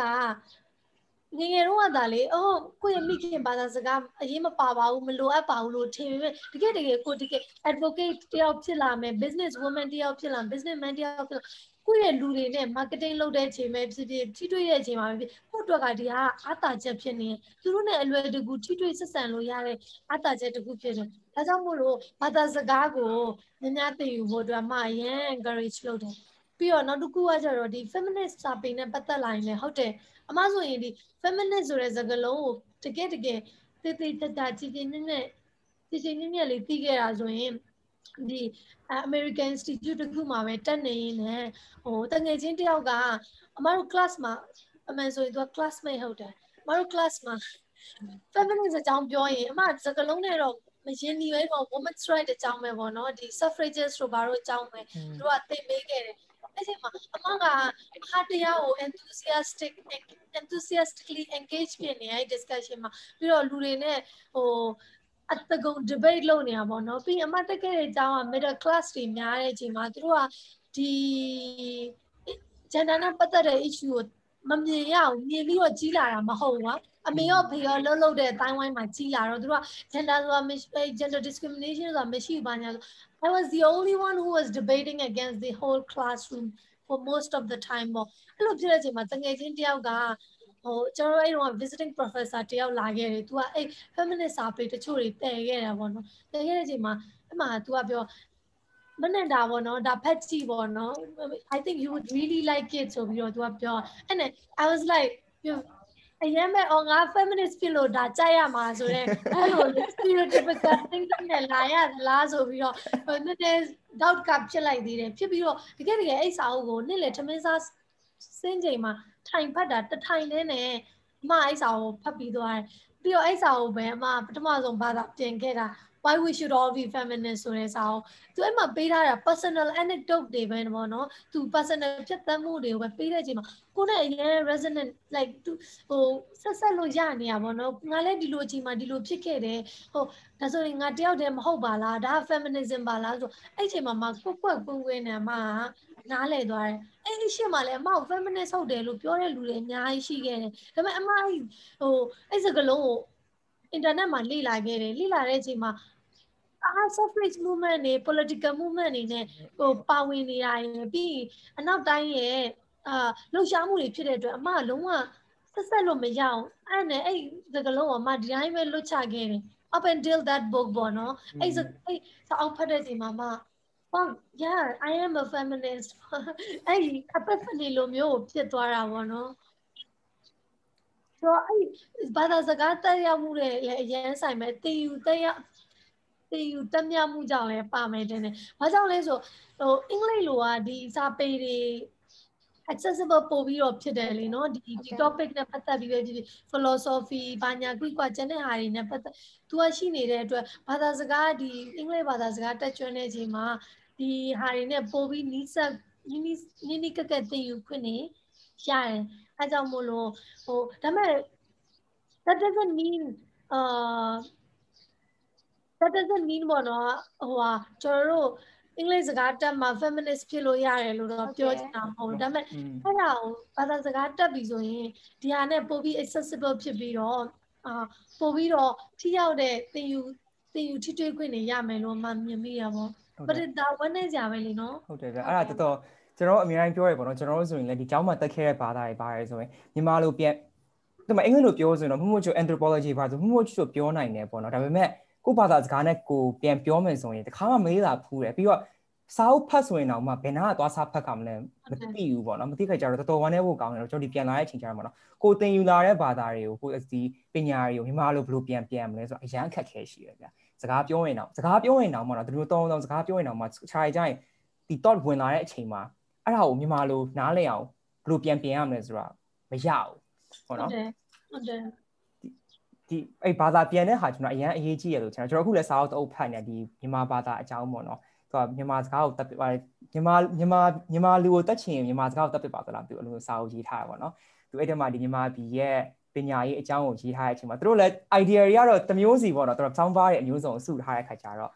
အမှဒီမြန်မာစကားဒီ especially ဒီဘာသာပြန်တဲ့ဖက်မှာပေါ့နော်ဒီ chemistry တို့ physics တို့ biology တို့ဒီနည်းနည်းပို့ပြီးတော့ဖြစ်လာပြီဆိုရင်အကုန်လုံးအင်္ဂလိပ်လိုပဲဖြစ်သွားမြန်မာလိုရှင်းပြရတာတော်တော်ခတ်သွားပြီလုံးပြန်တဲ့လူတွေမရှိတဲ့ခါကျတော့ပြောလို့မရတော့ဘူးဒီစကားတွေကိုမြန်မာလိုဟုတ်တယ် မဟုတ်သားလေနော်ဟိုတတိထားမိရအဲ့ live video တခုမှာအဲ့တော့ကကြတော့ဟို America မှာအဲ့ Black Lives Matter movement ဖြစ်တော့အမကနေပြီးတော့မြန်မာပြည်မှာဘာဖြစ်နေလဲဆိုပြီးတော့ဟိုမြန်မာစကားနဲ့ပေါ့နော်ကျွမ်းကျွမ်းကျင်ကျင်နဲ့မရိုင်းမဆိုင်မဲနဲ့ကိုယ့်ရဲ့အတွေ့အကြုံကိုပြောပြတဲ့ဗီဒီယိုလေးတခုမှမှတ်မိလားမသိဘူး Facebook မှာမကိုယ့်ကိုပဲရိုက်ပြီးတင်ထားတာပေါ့နော်အဲ့ချိန်မှာမပြောထားတာကျောင်းဖို့ကျောင်းတော့อ่ะပေါ့နော်ဒီ racism ကိုကိုက main main ကလေးတယောက်အနေနဲ့ရောလူနည်းစု ဟို minority တယောက်အနေနဲ့ရောဖြတ်တန်းခဲ့တဲ့အချိန်မှာဘယ်လို normalize လုပ်ထားလဲဆိုပြီးပြောပြတဲ့ဗီဒီယိုလေးအမအဲ့ဟာလေးနည်းနည်းလေးဟိုပြောပြပေးပါအောင်အဲ့ငယ်ဘဝတော့ကဒီအတွေ့အကြုံတွေနဲ့ normalize လုပ်ထားတဲ့ခံစားချက်တွေပေါ့နော်ဟုတ်တယ်အမဒီရွာသေးသေးလေးမှာကြီးကြီးလာခဲ့တယ်ဒါပေမဲ့အဲ့ရွာသေးသေးလေးမှာပဲအရင် diversity ရှိရယ် Chinese people တွေလည်းရှိရယ်ပြီးတော့ ဒီအမတို့လိုလူမျိုးတွေလည်းရှိရယ်ရှမ်းလူမျိုးရှိရယ်ပြီးရင်တအားလူမျိုးတွေအဲ့လိုအရင် diversity ဖြစ်တယ်ပေါ့နော်ဆိုတော့အမတို့ကကျောင်းကတစ်ကျောင်းပဲရှိရောကျောင်းတွေအကုန်လုံးက public ကျောင်းမှာပဲတွားကြတယ်တွားကြတဲ့အချိန်မှာအမတို့ကဒီအသားရည်ရှိတဲ့အတွက်ပေါ့နော်အရင်အနိုင်ကျင့်ခံရတယ် အမအမကိုကိုပြပြတခုပြောချင်တာအမကအသားရည်ကြောင်းဆိုပြီးတော့ဒီခွဲခြားဆက်ဆံခံရတဲ့ဒီမှာတကယ်တကယ်အခုပြောရရင်တကယ်ဝန်းနေဖို့လည်းကောင်းတယ်ရည်ချင်းစရာလည်းကောင်းအမကခွဲခြားဆက်ဆံရခံတာအ ਨੇ ဆုံးတဲမှာပါတယ် classroom ထဲမှာဘာကြောင့်လဲဆိုကျင်းတဲ့ဟိုအမလိုလူမျိုးတခြားအမလိုသားရည်ရှိတခြားတငယ်ချင်းတွေဆိုရင်ဟိုအရင်လက်တွေနဲ့ပါနိုင်ကျင့်ခံရတယ်ဒီ Chinese group တွေကနေပြီးတော့လေဆိုတော့သူတို့ကဒီအသားမဖြူတဲ့လူကိုဟို ညံ့ပြင်းတဲ့လူနှိမ့်ကြတဲ့လူဒီဒီစကလုံးတွေတင်းတင်းတန်းတန်းခေါ်တဲ့ဟာတွေတော့ keyword တွေနဲ့ခေါ်တာတွေလုပ်ခဲ့ပြီးရင်မမမရရဖြစ်တဲ့ဟာဆိုအမတခုအခုထိလည်းအဲ့အဲ့သူမြေခဏခဏပြောပြတဲ့ဟာ तू က तू ကအုပ်စုလိုက်သွားပြီးတော့လေအဲ့အမတို့လူမျိုးရှိတဲ့နေရာခုံကိုအကြောင်းကျုံးထဲမှာသူတို့နောက်ဆုံးမှထိုင်တာကိုအမကျတော့အရှိဆုံးမှထိုင်နေစာရဲတော်ကြတော့အမလည်းဖြစ်တာဖြစ်သိရမလားအဲ့ပေါ်ကကြည့်နေတော့ အဲ့လေသူတို့တွေကနောက်မှထိုင်တော့သူတို့ကျောင်းစင်းချိန်ဆိုအလားချိန်ကြီးရကွာ15မိနစ်အဲ့ဆိုသူတို့တွေကအုပ်စုလိုက်လာပြီးတော့အဲ့အဖွဲ့တွေကိုညင်ပန်းနှိမ့်ဆက်ခေါင်းတွေပုတ်စိတ်လိုက်ဆွဲလိုက်ပြီးစကလုံးတွေဟိုပြောလိုက်လုပ်တယ်ပြီးရင်ဟိုပြန်တောင်းတက်ခံပြီးဆိုကျွန်တော်အမနာကိုလာတယ်အမနာကိုလာပြီးဒီလိုလုပ်တယ် boss တိုင်နဲ့မောင်လေနန္ဒာ မင်းတို့အနိုင်မကျင့်တာမင်းစာတော်လို့နော်သိလားလောက်တာအဲ့လိုလောက်တာအဲ့လေသူတို့ကျေးဇူးနဲ့တင်ရတော့မလို့လို့လေနော်ကိုကိုကစာတော်လို့သူကအနိုင်မကျင့်အမေတော့အမထင်တာလေစာတော်လို့လည်းမဟုတ်အမကစမတွေနဲ့ရင်းနှီးတော့လေစမတွေနဲ့တိုင်ရင်သူကရိုက်ခဲ့ရမှာဆိုတာစိုးရိမ်လို့ပဲဖြစ်မှသိလား လို့လေဒီဒီ racism ပြောရမလားဒီအနိုင်ကျင့်မှု bully လုပ်မှုကအရင်ဟိုဟိုနေသားကြခဲ့တယ်အရင် normalize ဖြစ်ခဲ့တယ်ပြီး last part of my life ပေါ့နော်အမရဲ့အသက်ဒီဒီဒီကာလတော်တော်များများမှာလေဒီစကလုံးကို normalize လုပ်ဖို့အတွက်လေအမကိုယ်တိုင်ကိုဟိုအကြည့်ယူရရတယ်ကလမဆိုတာက normal ရဟုတ်တယ်ဆိုပြီးကလမကလမတငယ်ချင်းချင်းချင်းတွေကိုလိုက်ပြီးတော့ခေါ်တာလေအဲ့ဒါတွေက ပြောမယ်ဆိုရင်လေစကလုံးဟုတ်တယ်ဘာမှမဖြစ်ဘူးလို့ပြောပေမဲ့စကလုံးတွေကအမတို့ရဲ့အတွေးခေါ်တွေနဲ့ဒီဟိုဘာပြောမလဲအတွေးခေါ်တွေကိုအများကြီးအတွေးခေါ်တဲ့အပြုတ်မှုတွေကိုအများကြီးပုံဖော်တဲ့အရာဖြစ်တယ်အကယ်လို့သာအဲ့ဒီစကလုံးကိုအမသာဟိုရင်းနှီးဖို့မစူးစမ်းခဲ့ဘူးဆိုရင်လေအခုချိန်မှာအမဒီအိမ်ငားတဲ့ချိန်မှာလည်းအမအဲ့လိုမျိုးပဲကြုံတွေ့ရတယ် အမကိုဒီလိုလူမျိုးစုကဖြစ်တဲ့အတွက်ဟိုဟိုပြန်လဲပြီးတော့ဆန်းစစ်ခြင်းနဲ့ပြန်လဲပြီးတော့စစ်ဆေးခြင်းနဲ့ဆိုတဲ့သဘောတဘာဝတွေပြလာတယ်ပေါ့နော်အဲ့လိုပြလာတဲ့အချိန်မှာအမဒီချိန်မှာတော့ပေါ့နော်ရက်တည်နိုင်တယ်ပေါ့အမအဲ့ချိန်ကလေးကနေဒါကျမအမကိုခေါ်တဲ့အချိန်မှာလုံးဝလုံးဝမတုံ့ပြန်ခဲ့ရင်တိတ်ကောင်းမှာပဲလို့အမတွေးမိခဲ့တယ်။ဘာကြောင့်လဲဆိုတော့အမအဲ့တုန်းကကျောင်းမှာဆိုရင်လေဟိုတနည်းတစ်ပုံနဲ့အမတို့လူမျိုးစုမှာပါဝါရှိတဲ့လူတွေမှာပါခဲ့တယ်။ အမသာသူတို့ကိုစန့်ကျင်တဲ့လူအမသာသူတို့ကိုတင်လဲပြီးတော့တုံ့ပြန်တဲ့လူသာဖြစ်ခဲ့မယ်ဆိုရင်အမရဲ့လူမျိုးစုတွေပဲပြောပြောအမလိုသားရောင်ရှိတဲ့လူပဲပြောပြောအနိုင်ကျင့်ခံရမှာမဟုတ်တော့ဘူးဆိုတော့ဟိုအတွေးရောက်ခဲ့တယ်ပေါ့ဒါပေမဲ့အဲ့လိုပြောတဲ့အချိန်မှာလဲလေ victim ကိုသာပြီး responsibility ပေးတယ်လို့ဖြစ်သွားမှာဟာငါဒါအမရဲ့ပြဿနာမဟုတ်လေနော်လှုပ်တဲ့လူရဲ့ပြဿနာလေးနော် I don't know it's like racism is like deeply rooted in our skin and blood အဲ့ဒါပြောင်းလဲဖို့အရင်လဲအချိန်ရင်းနှီးမြုပ်နှံရမှာပြီးဒီစကားဝိုင်းကိုပြောတဲ့အချိန်မှာလဲလေအမတို့ကပုံပွင့်လင်းလင်းနဲ့ဟိုဆွေးနွေးဖို့အရေးကြီးရယ်။ဘာကြောင့်လဲဆိုဒီစကလုံး gender ပဲပြောပြော racism ပဲပြောပြောအရင် uncomfortable ဖြစ်စေတယ်ဒီစကလုံးတွေကလေအမတို့မသိသေးတဲ့စကလုံးလုံးဝမဟုတ်သိပြီးသားမြင်ပြီးသားပြဿနာဟုတ်တယ်။ဒါပေမဲ့မမြင်ဖို့ရွေးချယ်တဲ့ဟာဖြစ်တဲ့အတွက်လေလူတွေကိုလေ ပြန်ကြည့်ပြန်ကြည့်ဆိုမျက်နှာဟိုဘက်လှည့်နေမျက်နှာကိုဒီဘက်ဆွဲခေါ်နေရတဲ့အခြေအနေမျိုးဖြစ်နေတဲ့အတွက်တော်တော်လေးတော့ challenge တွေရှိရယ်ဟုတ်တယ်ခုနကမှပြောလို့အဲ့ victim ကို responsibility ပေးနေရဟိုတဘာဝမကြောက်ဘူးဆိုတာလည်းမှန်တယ်ဘာလို့ဆိုတော့ဟိုဒီ majority ရှိတဲ့လူတွေကလည်းလက်ခံရမယ်ဆိုတော့တမဟိုဟာ comfortable position ရှိနေတဲ့လူတွေကကြတော့ comfortable ဖြစ်နေတော့ comfort zone တွေကထွက်ဖို့ပိုခက်တယ်အမှားတယ်မလားကိုရီးယားဟိုနေတိုင်းဒီ prejudice ကိုခံနေရတဲ့လူတွေမဟုတ်တဲ့လူတွေဆိုလို့ရှင်ပိုဆိုးရယ်ကွာတမလားဒါကိုလက်ခံဖို့ဒီစကားပြောဖို့ဆိုတာဟို ကိုตายာနေတဲ့ဘဝကနေထွက်ပြီးတော့ ဟိုတက်လားဟိုပြောနေကြစကားမဟုတ်တဲ့ဟာတွေကိုလက်ခံပြီးကိုမှကိုအမားလုပ်ခဲ့ရင်လည်းကိုအမားလုပ်ခဲ့တာကိုဝန်ခံပြီးတော့ဆွေးနွေးရမယ့်ဟာတွေရှိတော့ comfortable မဖြစ်ဘူးအမခုနကပြောသလိုလေအဲ့ဒီ normalization ကိုရောအမအနေနဲ့ခုနကဆို normalize လုပ်ထားဆိုဘယ်လိုထွက်ထွက်ခဲ့လဲပေါ့နော်အခုချိန်မှာ normalize လုပ်နေတဲ့လူတွေကိုဆိုလို့ရှိရင်လည်းထွက်ဖို့ဘယ်လိုမျိုးအမဟိုအင်အားပေးချင်လဲအမကိုယ်တိုင်တော့ဒီစာပေရနေလေတစင်ကိုကို educate လုပ်တယ်ပြီးရင်ဒီ ဘေးကလူတွေရဲ့အတန်အောင်လဲခံရတဲ့လူတွေရဲ့အတန်အောင်လဲနားထောင်ရမှာဘာလို့အခါလေးမှလေး victim ချင်းတူပေမဲ့ victim ရဲ့ level ချင်းကကွာသွားတာပေါ့ level ဆိုတော့ခုနအမပြောလို့လေခန်းထဲမှာအမကိုဆိုရင်ဘာမှမလုပ်ဘူးကလမခေါ်တာလွယ်လို့ဟိုဘက်တခြားအမလိုတားရည်ရှိရဲ့လူကြတော့အနိုင်ကျင့်တာတွေလက်ပါတာတွေစတာတွေလုပ်တယ်ပေါ့နော်အဲ့လိုဖြစ်တဲ့အတွက်အမတခါလေ it's easy to dismiss that problem လေ ငါစိုးစိုးဝါခံရတာမှမဟုတ်တာဒါပေမဲ့အဲ့ချိန်မှာရေးကြည့်တာအမတို့အခုဒီ K K keyword မပြောနဲ့ဆိုတဲ့ campaign လိုမျိုးဆိုအရင်ရေးကြည့်ရမအဲ့ဒါကိုအရင်လေးကြည့်ကြည့်ရဘာကြောင့်လဲဆို at least လူတွေကို conversation ဒီ conversation ဖြစ်အောင်ဟိုအားပေးလိုက်တဲ့သဘောဟုတ်တယ်ဒီဟာကိုလက်ခံတဲ့လူရှိရင်မခံတဲ့လူရှိမယ်အဓိကလက်မခံတဲ့လူတွေစီကိုဒီ campaign တွေကရောက်သွားပြီဆိုတာဒါ achievement ပဲဘာကြောင့်လဲဆိုဒီလူတွေကစပြီးတော့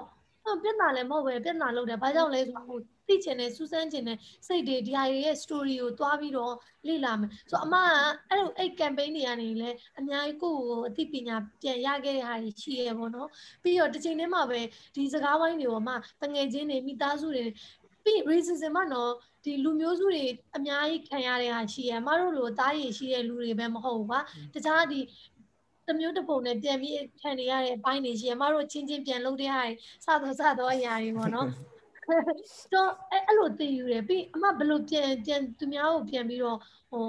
educate လုပ်လဲဆိုအမ story telling ကရေးကြည့်ရတဲ့နဲ့အဲကြောင့်လဲဆိုအမမမေ့ရလေဒီ video တင်ပြီးတဲ့နောက်ပိုင်းမှာအမနဲ့၄၅နှစ်၆နှစ်တော်တော်လေးရင်းနှီးခဲ့တဲ့တငယ်ချင်းကလေအဲ့ video ကြည့်ပြီးတော့အမကိုလေသူအရင်ဝင်နေပြီးတော့စိတ်မကောင်းဖြစ်ခဲ့တယ်ပေါ့ငါတငယ်ချင်းလေးဒီလိုတွေ့ကြုံခံရတယ်ငါကိုယ်တိုင်လည်းတစ်ခါလေကလမလို့ခေါ်မိသွားတာကိုကြံပြီးတော့ reflect လုပ်မိသွားတယ်ဆိုပြီးတော့သူပြောလာတယ် အဲ့တငယ်ချင်းကဘယ်တော့မှအဲ့လိုမျိုးဟို sentimental ဖြစ်တဲ့စကားလုံးတွေမပြောတဲ့လူကလေသူကအဲ့ဗီဒီယိုကြည့်ပြီးတော့သူ connect တစ်ခုခုဖြစ်တယ်ဆိုသူကတကယ် majority group ထဲမှာပါတဲ့မျိုးသမီးတယောက်ဖြစ်တယ်ပေါ့အဲ့ဒါကိုသူကဒီလိုတွေးလာပြီဆိုတာတကယ် impact တစ်ခုလေနော်ဒါတမျိုးပေါ့နော် storytelling ကနေလုပ်တာနောက်တစ်မျိုးဆိုရင်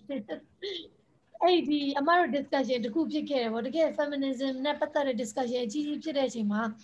အမျိုးသားတယောက်ကလေဒီလူအုပ်စုကိုဖော်ပြတဲ့အချိန်မှာ keyword နဲ့ဖော်ပြတယ်အဲ့ချိန်မှာတကယ်သူကိုယ်တိုင်လည်း feminist တယောက်နော်အဲ့တော့သူက keyword ကို comfortably လေ example တွေပေးပြီးအော်ဒီ key group တွေကဒီလိုဒီလိုဖြစ်တယ်ဆို can you stop using that word keyword လို့ like သူက oh yeah sudden realization လေအော်ဟုတ်ဒါပဲမပြောရတခါလေးမှလေအမတို့ကခုနပြောလို့ normalize အရင်လုပ်တယ် comfortable အရင်ဖြစ်တဲ့အချိန်မှာဒီစကလုံးက ဟိုနှစ်နဲ့ချီပြီးတော့သုံးလာတဲ့အချိန်မှာဒါကိုပြဿနာမတင်တာကလည်းလေဟိုဘယ်သူမှထောက်ပြတဲ့လူမရှိလို့လည်းဖြစ်တယ်အဲ့တော့တခါလေးမှ be that black sheep ကွာအဲ့လိုလူတွေကို comfortable မဖြစ်အောင်လူတွေကိုစိတ်ဆိုးအောင်လူတွေကိုဟိုနားကြီးအောင်လုပ်တဲ့လူဖြစ်အောင်လဲနေပေးရမယ်။ also you can't please people every time ဒီလိုမျိုး changes တွေယူခဲ့တဲ့အချိန်မှာအဲကြောင့် I am ready to make people uncomfortable whether it's regarding gender baby racism maybe အဲ့လိုလုပ်ခြင်းအဖြစ်လဲ I think um part of me play in bringing changes regarding bringing equality ပဲဖြစ်ဖြစ်ဒီ end လုပ်ဖို့ပဲဖြစ်ဖြစ်လေဆိုတော့အဲ့လိုပဲလုပ်ရမယ်တင်တယ်အရင်တော့ပြပြချင်းလုပ်လို့ရတဲ့အရာတွေတော့အများကြီးရှိရပါတော့ policy ရရောဒီ grassroots level ရရောဒီ middle class တွေလုပ်လို့ရတဲ့အရာတွေရောပေါ့နော်ဒါပေမဲ့ it's important this conversation is keep going ဘာလို့အမေရိကမှာလည်းကြီးကြီးလေအိုးနည်းနည်းကြည့်ပြီးတော့ဒီဒီစကားဝိုင်းနေနော် ဖြစ်လာတယ်ကြားလာပြီဟုတ်အဲလက်မခံတဲ့လူတွေအများကြီးရှိတယ်ဟုတ်တယ်အမအဲ့ဒါလေးအကြောင်းမေးချင်လို့ပေါ့အမခုနကပြော responsibility ပေါ့နော်ဒီ majority victim ပေါ်မှာ responsibility သွားတင်တာဒါ activism ဆိုတဲ့တူလို့ပဲပေါ့ဒီဒီလှုပ်ရှားမှုမှာဆိုရင်လည်းလှုပ်ရှားနေတဲ့လူတွေကဒီဟိုပါမနော်ဟိုအမျိုးသမီးတန်းသူဟိုအခွင့်အရေးဆိုရင်လည်းအမျိုးသမီးတွေလုပ်နေတာများဟုတ်မလား LGBT ဆိုရင်လည်း LGBT လုပ်နေတာများဒါပေမဲ့တကယ် change ဖြစ်ဖို့ဆိုရင်ဒီ majority ကပါဝင်လာမှရဒီ conversation နဲ့ဝင်လာမှရမှာဟုတ်တယ်မလား ကျွန်တော်တို့တွေကပါလက်ခံမှရတာဆိုတော့ကျွန်တော်ဆိုလဲပေါ့နော်အမြင်တိုင်းကျွန်တော်တငယ်ချင်းရှင်းမှာဆိုအဲ့လိုတို့အမျိုးသမီးဟိုဒီတငယ်ခွင့်ရအောင်ပြောရဲဆိုရင်အမျိုးသားတွေကကိုကို I'm a feminist ဆိုမပြောမပြောဘူးလက်ခံရင်လက်ခံမယ်ဒါပေမဲ့ဒါကငါတို့ကိစ္စမဟုတ်ဘူးသူတို့ကိစ္စအမျိုးသမီးရဲ့ကိစ္စအမျိုးသမီးကဒီဒါကိုရအောင်ယူရမယ်လို့ပြောရဲပေါ့နော်အဲ့ဆိုအမကဒီ group တွေလုပ်တဲ့အချိန်မှာဒီ purple feminist group တို့ဘာလို့ထဲမှာကြာရင်ရောဒီလိုမျိုးဒီ majority ကိုဝင်လာအောင်ပေါ့နော်ဒီ conversation နဲ့ဝင်လာအောင်အမဘယ်လိုမျိုးလုပ်လို့ရလဲဘယ်လိုမျိုးတော့လုပ်ဖြစ်လဲ အာ step တွေကတော့မမတူလို့ထင်တယ်အဲကြောင့်အမကလေ approach ကိုတစ်ခုတည်းပဲမယူ ဥပမာဆိုရင်ဂျီရောစကားဝိုင်းနားထောင်တဲ့လူဆိုရင်လည်းတနည်းတစ်ခုနဲ့ gender နဲ့ပတ်သက်တဲ့ perspective တွေရမယ်ပြီးတော့ဒီပြောမယ်ဆိုရင် inspire ဖြစ်မယ်ဒီကိစ္စနဲ့ပတ်သက်ပြီးတော့ထပ်မံလေ့လာခြင်းနဲ့စိတ်ဒီကအမျိုးသားတွေကိုလည်းအမဒီဂျီရောစကားဝိုင်းကအများကြီး impact လုပ်နိုင်တဲ့အပိုင်းတွေရှိတယ်အဲဆိုအမျိုးသားတွေနဲ့ပတ်သက်ပြီးတော့မတို့မှာ stereotype ရှိနေတဲ့ဟာကိုဘယ်လိုမျိုးမျိုးသမီးတွေကတည်ယူခဲ့လဲဘယ်လိုမျိုးအဲ့ဒါကို challenge လုပ်နေလဲဆိုတာကိုလည်းအမထည့်သွင်းပြီးတော့မေးမြန်းထားတယ် ပြီးဒီဘက်နောက်တစ်ဖက်မှာလည်းအမတို့ခုနပြော literature ကနေလည်း education ပြန်ပေးတယ်။အဲဆိုအော်မနစ်တာပြောတာတွေနားမထောင်ခြင်းဘူးဒီ feminist တွေ on နေတာနားမထောင်ခြင်းဘူးဆိုစာပေနဲ့ပဲလေ့လာခြင်းနဲ့အုပ်စုကလည်းရှိမှာ။ဆိုအဲ့ဒီအုပ်စုအတွက်ဆိုရင်လည်းဒီစာပေကဟိုကနေတစ်ဆင့်ပြန်လဲပြီးတော့အော်သင်ပေးတာမျိုးဒါမှမဟုတ်မျှဝေပေးတာမျိုးပေါ့နော်။နောက်တစ်ခုကကျတော့ခုနပြောသလိုဟိုတိုက်ရိုက်ထိတွေ့မှုကိုလည်းပေးရပေါ့နော်။အဲကြောင့်လေတော်တော်များများ မတင်တာမရဲ့ဒီ workshop တွေ training တက်တဲ့အုပ်စုတော်တော်များများအမျိုးသမီးတွေကြတော့တကယ်တကယ်သင်ယူခြင်းနဲ့ enthusiasm နဲ့လာတယ်အမျိုးသားတွေကြတော့ challenge လုပ်ခြင်းနဲ့ enthusiasm နဲ့လာတယ်ပေါ့နော်။ဘာများပြောမှာမလို့လဲငါတို့ဘာတောင်းလဲဘာလုပ်နေလို့လဲဆိုဒါပေမဲ့ဟိုစိတ်ဝင်စားစရာကောင်းတာလေသူတို့တွေကလေတော်တော်များများလေအဲ့လိုဒီဟာကိုသူတို့ပြဿနာလို့မထင်တဲ့လူတွေကလေ တမိုင်းအကြောင်းကိုမလေ့လာတဲ့လူဒီကိုယ့်ရဲ့မိသားစုမှာကိုလည်းကို reflection တွေမလုပ်နေတဲ့လူဆိုတာအရင်သိတာတယ်ဘာလို့လဲဒီ feminism ရဲ့လိုအပ်ချက်ကတမိုင်းကိုလေ့လာမယ်ဆိုရင်လွယ်လွယ်ကူကူနဲ့မြင်ရတဲ့အရာလေးနော်။ဟောတမိုင်းတစ်လျှောက်လုံးမှာဟိုဒီ basic ဟိုလူခွင့်ရေးတွေကိုမျိုးသမီးတွေကတော်လန်ပြီးတော့ဟိုပိတ်ဆက်ပြီးတော့ရခဲ့တဲ့အရာဖြစ်တယ်။အမခဏခဏဒီဒီမိုကရေစီနဲ့တိုင်းတာပြီးတော့ပေးလေပေးထားရရင်ဟို feminist feminism ဆိုတာလည်း democracy နဲ့အတူတူပဲလို့အမတို့ဒီဟို dictatorship ပုံစံ patriarchy ဆိုတာရှိနေလို့ဒီဟာကိုတိုက်ပြိုက်ဖို့အတွက် feminism ကပေါ်ထွက်လာတယ်လို့ဟို feminism ကပေါ်ထွက်ပေါ်ထွက်လာရတယ်ပေါ့နော်အဲကြောင့်မို့လို့ဒီဟာရဲ့လိုအပ်ချက်ကအရေးကြီးတယ်ပြီးရင်ဒီလိုမျိုးအမျိုးသမီးကို empowerment လုပ်တဲ့ဟာက large part of feminism ဖြစ်ရတာကလည်းမတို့သမိုင်းတစ်လျှောက်လုံးမှာမိန်းကလေးတွေကိုမိန်းကလေးဖြစ်လို့ဆိုပြီးတော့ဟို oppress လုပ်တာတွေ discriminate လုပ်တာတွေကတီးတန့်အဲ့လိုဖြစ်ခဲ့တဲ့အတွက်အဲ့လို black lives matter လို့မျိုးကွာဒါဟိုအသားရည်ကြောင့်ခွဲခြားစစ်ဆန်ခံရတဲ့အတွက်သူတို့ရဲ့ဘဝက အရေးမပါတဲ့အုပ်စုထဲမှာထည့်ခဲ့တဲ့တမိုင်းရှိခဲ့တဲ့အတွက်ဒီဟာအရေးပါပါတယ်ဆိုတာကိုလှုပ်ခြင်းအဖြစ်သူတို့ရဲ့အရေးပါမှုကတန်းတူဖြစ်အောင်လုပ်တာလीနော်အမျိုးသမီးတွေကို focus လုပ်ပြီး empowerment လုပ်တဲ့ဟာတွေရှိတာကိုဒီဟာကိုပဲ feminism ရဲ့ meaning ပါဆိုပြီးတော့ narrow down လုပ်လို့လည်းမရဘူးပါအဲကြောင့်မို့လို့ဒီအမျိုးသားတွေကဟိုဟိုဘယ်လောက်အရေးပါလဲဘာဘာလို့အရေးပါလဲနောက်တစ်ခုအရေးကြီးတာအမျိုးသားတွေပါဝင်မှုအမအရန်အရန်လဲအလေးထားပြီးတော့ ဒီနောက်လာမဲ့အမဟိုနောက်နှစ်ရဲ့ strategy planning မှာလည်းအမျိုးသား inclusion ကိုသေချာလေး focus လုပ်သွားမယ်ပိုင်းနေရှိရပေါ့နော်။ဘာကြောင့်လဲဆိုအမတို့နေနေတဲ့ကဘာကြီးကဒါမှမဟုတ်နိုင်ငံတော်ကြီးက patriarchy စံနေသေးတယ်။စံနေသေးတဲ့အတွက်ယောက်ျားလေးတွေပြောရင်ပို့ပြီးတော့နားထောင်ကြတယ်။အမျိုးသားနဲ့အမျိုးသမီးနီးတူတော့ပြောတဲ့သကလုံးချင်းတူရင်တော့မှပြောတဲ့ power နဲ့ impact ချင်းကဟိုဘက်လက်ခံရတဲ့လူတွေမှာကွာဟမှုရှိတာကို တွေ့ရတယ်ပေါ့နော်ဥမာဒီယောက်ျားလေးတယောက်က feminism နဲ့အလုပ်ရတစ်ခုလုံးလိုက်ဟောလက်ခုပ်ရည်နဲ့ဒီကြတာဟိုဗာလဲအမ်မဟာမဟာအမျိုးသားဆိုပြီးတော့လေနော်အမျိုးသားတိုင်းတန်းလူဟာလူလှုပ်လိုက်ရင်သူညီတဲ့ဟာလှုပ်လိုက်ရင်အော် तू ကမင်းကလေးဆိုတော့လုံမှာဘောဆိုပြီးတော့လေဟုတ်တယ်ဗျာစိတ်ကဟုတ်တယ်အဲ့ဒါအရန်တွေ့ရတယ် ဟိုပါလေးတို့ညီမလေးတို့အမပြအဲ့ဟိုအာလူဖုတ်ကြမယ်မှာအမနဲ့ကိုအောင်ခန့်နဲ့လေအဲ့အဲ့အဲ့အဲ့အဲ့တော့ဆိုယောက်ျားလေးတယောက်နဲ့ပါတာပြောရဲဆိုလို့ရှင်ဒီလို conversation မျိုးမတွေ့ဘူးသေးဘူးမြန်မာလိုပြောတာဆိုတော်တော်လေးကိုနားထောင်လို့ကောင်းတယ်အဲ့ conversation လည်းအမ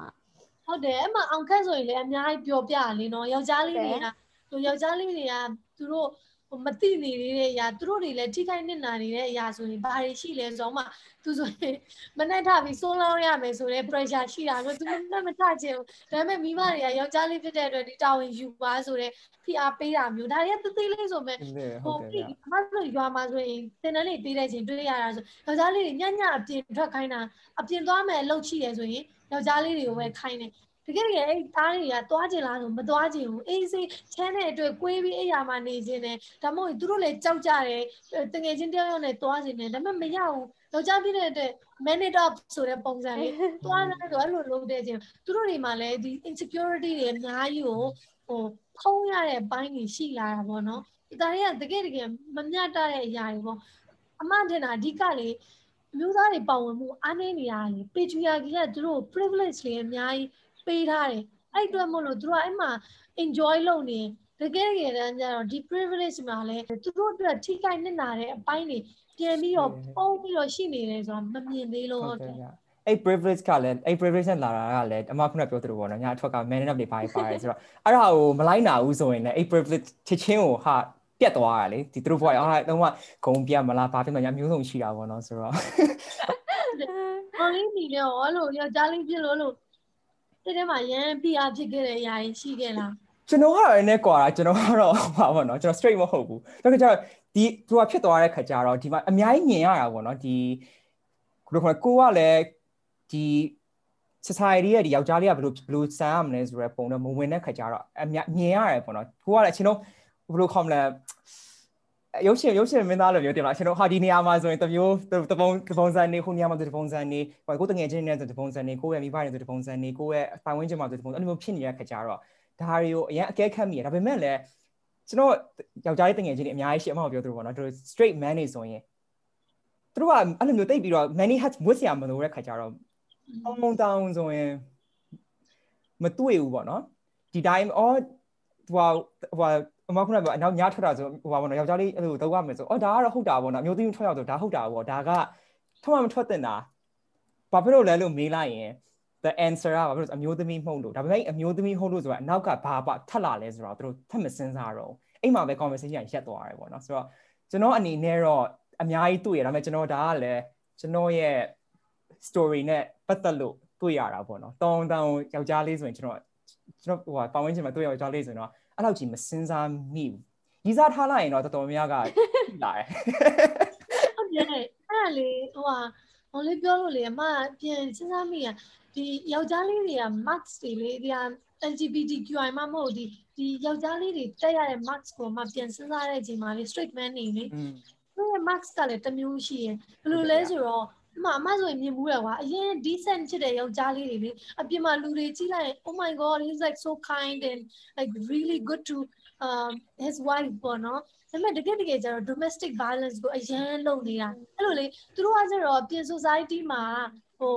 သူတို့ထုတ်လို့ရတဲ့ဒီ frustration တွေ resentment တွေကို မထုတ်ရတော့နေတာမန်ဟိုငိုခြင်းတဲ့ချိန်မငိုရဟို vulnerable ဖြစ်ခြင်းတဲ့ချိန်မဖြစ်ရတဲ့ချိန်မှာအဲ့ဒီ vulnerability ကကျတော့ဒီဘာခေါ်မလဲဟိုဟာဖြစ်နေ resentment အနေနဲ့ပြန်ဖြစ်သွားတာအဲ့လိုမျိုးဖြစ်သွားတဲ့ချိန်မှာဟို abusive တွေပြီးရင်ဒီ bully တွေ emotional abuse တွေ torture တွေအဲ့လိုတွေလောက်လာတာတွေအများကြီးတွေ့ရတယ်နော်အဲ့တကယ်တကယ်တအားကိုကြောက်ဖို့ကောင်းတယ်ယောက်ျားလေးတွေကိုဒီစိတ်ပိုင်းဆိုင်ရာထွက်ပေါက်တွေပေးတဲ့နေရာတွေကလုံးဝမရှိအဲ့ဆောင်လေးယောက်ျားလေးတွေကရက်သေးစာတောက်တာတွေဘိန်းရှူတာတွေက majority of it like it's done by men လေနော်မြန်မာနိုင်ငံမှာဆိုရင်အဲ့ဒါလည်းအပြေးကလည်းရှိနေလေ coping mechanism ရှာနေရလေစိတ်ပိုင်းဆိုင်ရာအပေါက်ကမရှိတဲ့အချိန်မှာဒီဟာ substance abuse တွေပဲလောက်တော့တာပဲလေနော်တကယ် အမခုနပြောသလိုပေါ့နော်ဒီအမအဲ့ဒီ outlet အနေနဲ့ဆိုရင်စိတ်ဆိုးမှယောက်ျားဆန်တဲ့ဆိုရဲပုံစံကြီးဖြစ်နေတာပေါ့နော်စိတ်ဆိုးမှငိုရင်ယောက်ျားမဆန်ဘူးမလုပ်သင့်ဘူး the only emotion သူတို့ပြလို့ရတာက anger ဒါမှမဟုတ်မာနဒါမှမဟုတ်အဲ့လိုမျိုးပေါ့နော်နည်းနည်းလေးပို့ပြီးတော့ယောက်ျားဆန်တဲ့အဲ့လိုမျိုးဟာပြလို့ရတယ်ဆိုတော့ဘာပဲဖြစ်ဖြစ် emotion ဘာပဲဘာပဲလာလာနောက်တိုင်းအဲ့လိုကြီးလာတဲ့အချိန်ကျရင်ဘာ emotion ပဲခံစားနေရနေ manifest လုပ်တဲ့ပုံက သူကဒေါသပဲဖြစ်သွားတာပေါ့နော်အဲ့ဒါတော်တော်လေးကိုအမပြောသလိုဒီပြဿနာတွေအမျိုးအများကြီးပေါ်လာတယ်ပေါ့နော်အဲ့ကျွန်တော်လည်းအဲ့တော့တော်တော်တွေးရပါတယ်အသက်ကြီးလာနေ feminism that's why men need feminism ဟုတ်တယ် like like it's so important like men are involved in feminism ဘာလို့မင်းကလေးတွေကိုအမတို့ကဘလောက်ပဲပြောင်းလဲဖို့စူးစမ်းစူးစမ်းတခြားအုပ်စုတစ်ဖွဲ့ကမပြောင်းလဲလာဘူးဆိုရင်အမတို့ society ကဘယ်မှမရောက်တော့ဘူးလေနော်ဟုတ်တစ်ဖက်တည်းမရဘူးနော် အခုလိုပြောနေတဲ့စကားတွေဆိုလို့ရှင်ပေါ့နော်ဒါဆိုဟိုဟိုတင်ရမှာပပပဘာနဲ့ပြောနေမှာဒါ this is like deep conversation ပေါ့နော် deep thoughts ဒါပေမဲ့ဒါအမရဲ့အလုတ်အကင်ဖြစ်နေရပေါ့နော်နေတိုင်းဒါဒီလိုမျိုး issue တွေစဉ်းစားပေးရတယ်ဒီလိုမျိုးဟို movement ကိုဘယ်လိုရှေ့ဆက်သွားမလဲဆိုဒါကိုအမရဲ့နေတိုင်းအလုတ်အကင်နေတိုင်းစဉ်းစားနေရတဲ့အရာတွေဆိုအမဒီဟာနဲ့ပတ်သက်ပြီးတော့ပေါ့ heavy ဖြစ်တဲ့ issue တွေဆိုလို့ရှင်ကိုယ့်ရဲ့ mental health ကိုကိုဘယ်လို ဟိုကာကွယ်လဲကိုဘယ်လိုမျိုးဖြတ်တန်းရလဲအမဒါတရက်တရက်လုံနေရတဲ့အချိန်မှာ I go to therapy that's one ဒါပေမဲ့ therapy မသွားမသွားတော့ဆိုရင်တော့ I think I do a lot of crying ဘာလို့မူရာလေတခါလေမှာဟို vulnerable ဖြစ်လို့မူရာတော့ဖြစ်ကောင်းဖြစ်မယ်ဒါပေမဲ့မူပြီးတဲ့အချိန်မှာလေ you feel really empowered because တစ်ဖက်ကနေကိုခံစားရတဲ့အရာဘာပဲဖြစ်နေဖြစ်နေလို့အဲ့ငိုလိုက်တဲ့အချိန်မှာ it washes you away like အဲ့အဲ့ဒီကွာရုပ်တရက်ဘာမှမဆိုခံနိုင်တာပဲဆိုတော့အဲ့ empowerment တခုလို့ရုပ်ဖြစ်လာတယ်ပေါ့နော် so that's that ပေါ့နော်ဒါပေမဲ့ on a very deeper level မှာဒီအာ self care ကိုတော့ရင် view side တယ်ဟိုမှာဟိုအရင်တော့ဆိုရင်မှဒီ activism ဆဆကစားဆိုရင်2014မှာသိချလေးစခဲ့ရပေါ့နော်အဲစခဲ့တဲ့အချိန်မှာဆိုရင်အာ I take too serious about everyone else around me like သူများတွေငါ့ကိုဘယ်လိုမျိုး feedback ပေးနေလဲဘာတွေပြောနေလဲဆိုတော့အရင် serious ယူပြီးတော့ဟိုတုံ့ပြန်ခဲ့ဘူးလေဒါပေမဲ့ at this point in my life ပေါ့နော်မဒီ activism လုပ်တာလဲကြာလာတဲ့အချိန်မှာ I'm not saying I'm I develop thick skin thick skin ရှိလာတာတော့မဟုတ်ဘူးဒါပေမဲ့ now I choose how to react or how to respond and what to respond and what not to respond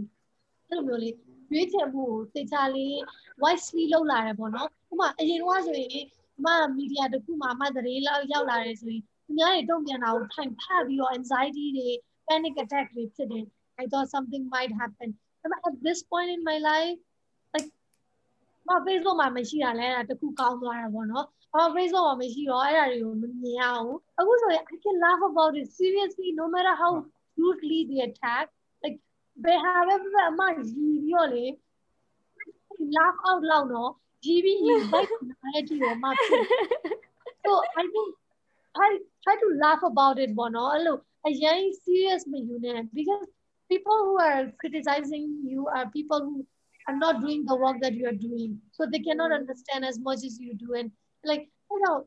don't blame them as well ဘာလို့သူတို့နားမလည်နိုင်တာ this is သူတို့မှလည်းသူတို့ ရဲ့အကြောင်းပြချက်နဲ့သူတို့ဖြတ်တန်းမှုရှိတယ်ဒါပေမဲ့သူတို့ရဲ့အဲ့ negative energy ကိုကိုယ့်ရဲ့ဘဝမှာလာခွင့်မပေးနဲ့ကွာအဲ့လိုလာခွင့်မပေးဖို့ဆိုတာဒီဟာ coping mechanism အနေနဲ့ရီလာရုံပဲ make jokes about it ကွာဆိုအမရီနိုင်အောင်ကြိုးစားတယ်ပေါ့နော်အချိန်တည်းမှာပဲအမရင် deep down helplessly အရင်ခံစားရခက်နေတဲ့ချိန်တွေဆိုရင်လည်းရှိတယ်အဲ့လိုမျိုးချိန်မှာဆိုရင်အမ journal လုပ်တယ်စာရေးထိုင်ရေးတယ်ပြီးစာရေးဖတ်တယ်အဲ့ဒီစာဖတ်တဲ့အချိန်မှာ it's in a way သူတစ်ပါးရဲ့ကဘာကြီးကိုကိုရောက်သွားခွင့်ရတယ်ငင်းချမ်းတဲ့ကဘာဖြစ်ဖြစ်မဲ့တစ်မျိုးလေးနဲ့ပြန်ရှုပ်ထွေးတဲ့ကဘာဖြစ်တဲ့အတွက်အမရဲ့ကဘာကြီးကိုခဏမေ့ခွင့်ရတယ်ပေါ့နော်ပြီးနောက်တစ်ခုကကျတော့အမတခြား feminist တွေနဲ့အများနဲ့ထိထိတွေ့တွေ့နေတယ်ဘာလို့ I don't know there's something about uh like အဲ့ဒီ career တိုင်းမှာဖြစ်မယ်တင်တယ် blogger ရဲ့ခက်ခဲကို blogger တယောက်ပဲသိနိုင်တယ်လို့ podcaster ရဲ့ခက်ခဲကို podcaster ပဲသိရင် so feminist တယောက်ရဲ့ခက်ခဲဆိုတာလေ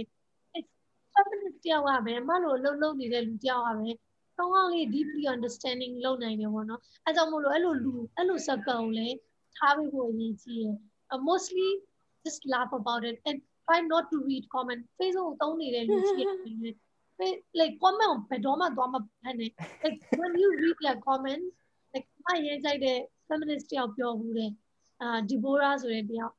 don't read comment if you read comment you will want to stop creating anything you're creating more so i think that's a great advice မဖတ်နဲ့လူတိုင်း opinion လေးယူစရာမလိုဘူးလေတော့မနော်ကိုကိုပြောနေ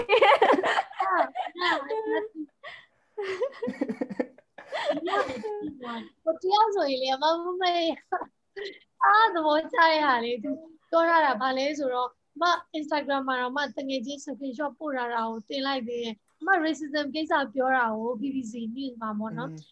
racism ကိစ္စပြောတာကို तू ကဘာပြောလဲဆိုတော့ဒီသူ့ရဲ့ comment ကိုမမမဲရပြဒီလိုတဲ့လူပြူရုပ်ပေါက်နေတဲ့လူကိုတဲ့ဟိုအထင်ကြီးတဲ့မျက်လုံးနဲ့ကြီးတဲ့ကြီးတဲ့လူတွေပဲရှိမှမြန်မာပြည်မှာတဲ့ဟိုအဲနာမည်ကြီးအောင်တက်တက်ဝင်ချတာတိတာရဲ့အဲလဲကြီးကြတာလေသူကအမရဲ့ရုပ်ပေါ်ပေါ့နော်အဲ့လိုလူယူနဲ့နိုင်တဲ့ပုံစံအစအမကိုလူတွေ သင်ကြီးရဲ့မျက်လုံးတကယ်တကယ်တော့အဲ့လိုပြဿနာတွေကိုလေတားကြီးရနော်မြန်မာနိုင်ငံမှာလေတခုခုနာမည်ကြီးသွားတယ်တယောက်ယောက်ကဟိုမီဒီယာပေါ်ရောက်သွားရင်လေနာမည်ကြီးဖို့ပဲလုပ်တယ်လို့ထင်တယ်လေအဲ့လိုဟို sexual harassment လုပ်ခံရလို့ rape လုပ်ခံရလို့မီဒီယာမှာသွားပြီးတော့သတင်းတွေရောက်တယ်ဆိုရင်လည်းလူတွေရဲ့ထင်ရလေနာမည်ကြီးခြင်းလို့ဥမာရှိရလေ celebrity တချို့တွေဆိုရင် harassment လုပ်ခံရလို့ rape လုပ်ခံရလို့ court တွေသွားတယ်ဆိုရင်ပတ်စံလိုချင်လို့လို့နာမည်ကြီးခြင်းလို့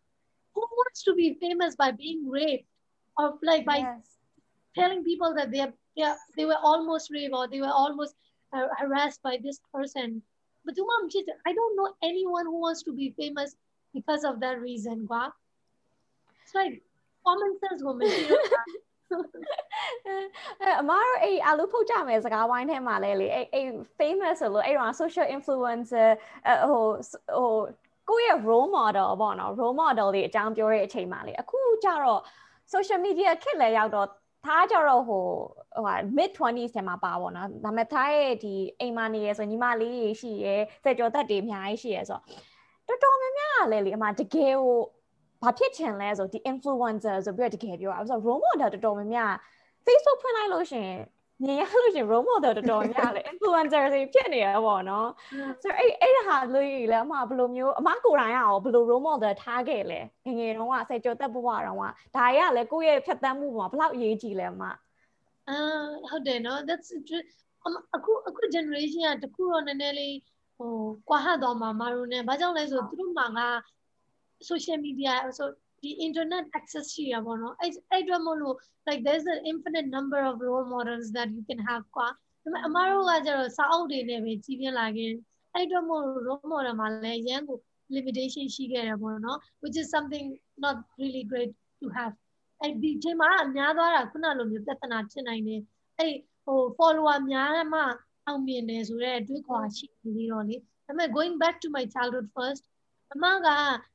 ငယ်တွေကလေအဲ့လို peace maker တွေပို့ပြီးတော့ကြိုက်တဲ့လူတွေမှာပါတယ်။ဘာကြောင့်လဲတော့အမတတိစကြိုက်တော့မသိခဲ့ဘူး။ဥမာအမအရင်ကြိုက်ခဲ့တာဆိုရင်ဆယ်ထဲမှာမမရရပထမအောင်ဆုံးမျိုးသမီး role model ဆိုရင် Helen Keller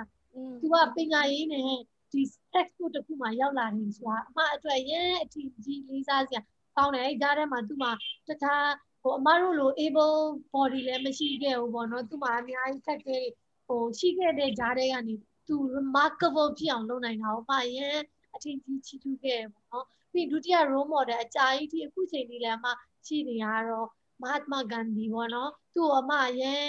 ကြိုက်တာသူက non violence approach ကိုယူတာပေါ့မှကြိုက်တယ်ပြီးတော့သူ့ရဲ့ဒီစကားပြောနိုင်တဲ့စွမ်းရည်လူတွေနဲ့ engage လုပ်နိုင်တဲ့စွမ်းရည်ကိုအမလေးစားခဲ့အဲ့လိုမျိုးဖြစ်တဲ့အတွက် အမ role model အရင်ပြောင်းနေတဲ့မှာမပါတတ်ဘူးအဲ့လိုလေဟိုလူသစ်တွေးသွားလို့ထင်ကြီးသွားလိုက်ပါသွားအဲ့လိုသိမရှိရအခုဆိုရင်ဒီအဒီကြီး feminism နဲ့ပတ်သက်ရင်အမအတွက်ဟိုအရှင်သခင်လို့ပြောရမှာဆိုရင်အဒီကြီးဖြစ်မယ်ချီမမန္တန်ကိုစီဒီကြီးပေါ့ဘာကြောင့်လဲဆိုတော့သူက feminism ကိုလေလူပိန်းနားလည်အောင်လုပ်ပေးတာလေဘယ်သူဆိုနားလည်လို့ရအောင်လို့ပြီးအမလူနေလူနေတာလည်းအဲ့လို feminism လေးနော်အဲ့ဒါပြီးတခြား feminism မရင်းကြိုက်တဲ့ feminist glory stammen gloria ရှိရယ် gloria stammen ရှိရယ်ပြီးဒီ bell hook ရှိရယ်ပြီး sarah ahmed ရှိတယ်ပြီးတော့အများကြီးပဲပေါ့နော်ဒါပေမဲ့သူတို့တွေကတော့သူတို့စာရေးသားကိုပဲကြိုက်တယ်အမှသူတို့ personal life အတီကိုလိုက်ပြီးတော့ဟို Rosen Gay လည်းမရင်ကြိုက်တယ်လိုက်ပြီးတော့မလေးလာဘူးမအရင်ချစ်တဲ့ဒီ၃ယောက်ကိုပဲပြောမယ်ဆိုအဓိကတော့မဟာသမာဂန္ဒီနဲ့ဒီအဒီချီကိုပဲအမက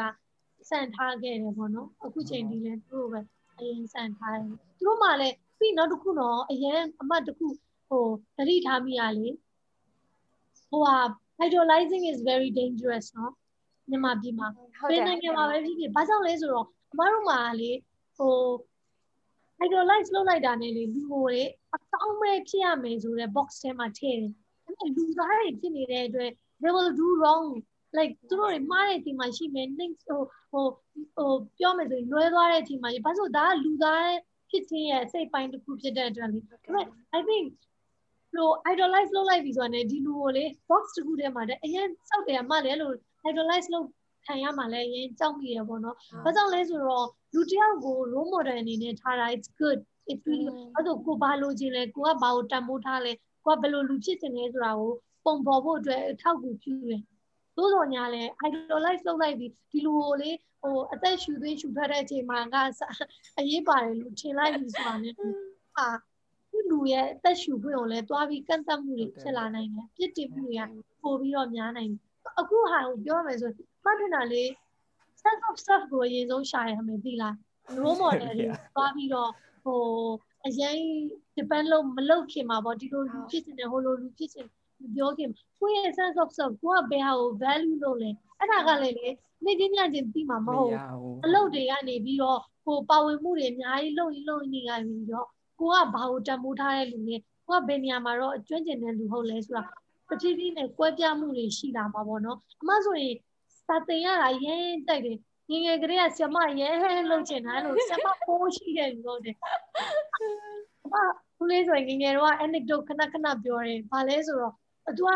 စာသင်ပေးရအမတို့လေအဲ့လိုဟိုနေရာဒီတောင်းပိတ်ရင်အင်္ဂလိပ်စာသင်ပေးရလို့ Snow White story တွေဘာတွေညာတွေပြောပြရင်းနဲ့ပေါ့နော်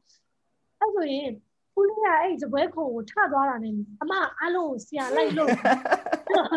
တောင်းပေးရတယ်ဟုတ်လေပြီးတော့လေဒါမရဒါမှန်တယ်ဟိုကလောက်ဒီဟာလောက်အဲ့တော့ငယ်ငယ်လေးအမဆရာမလုပ်ချင်တယ်ဒါပေမဲ့အမကြီးလာတဲ့အချိန်မှာလည်း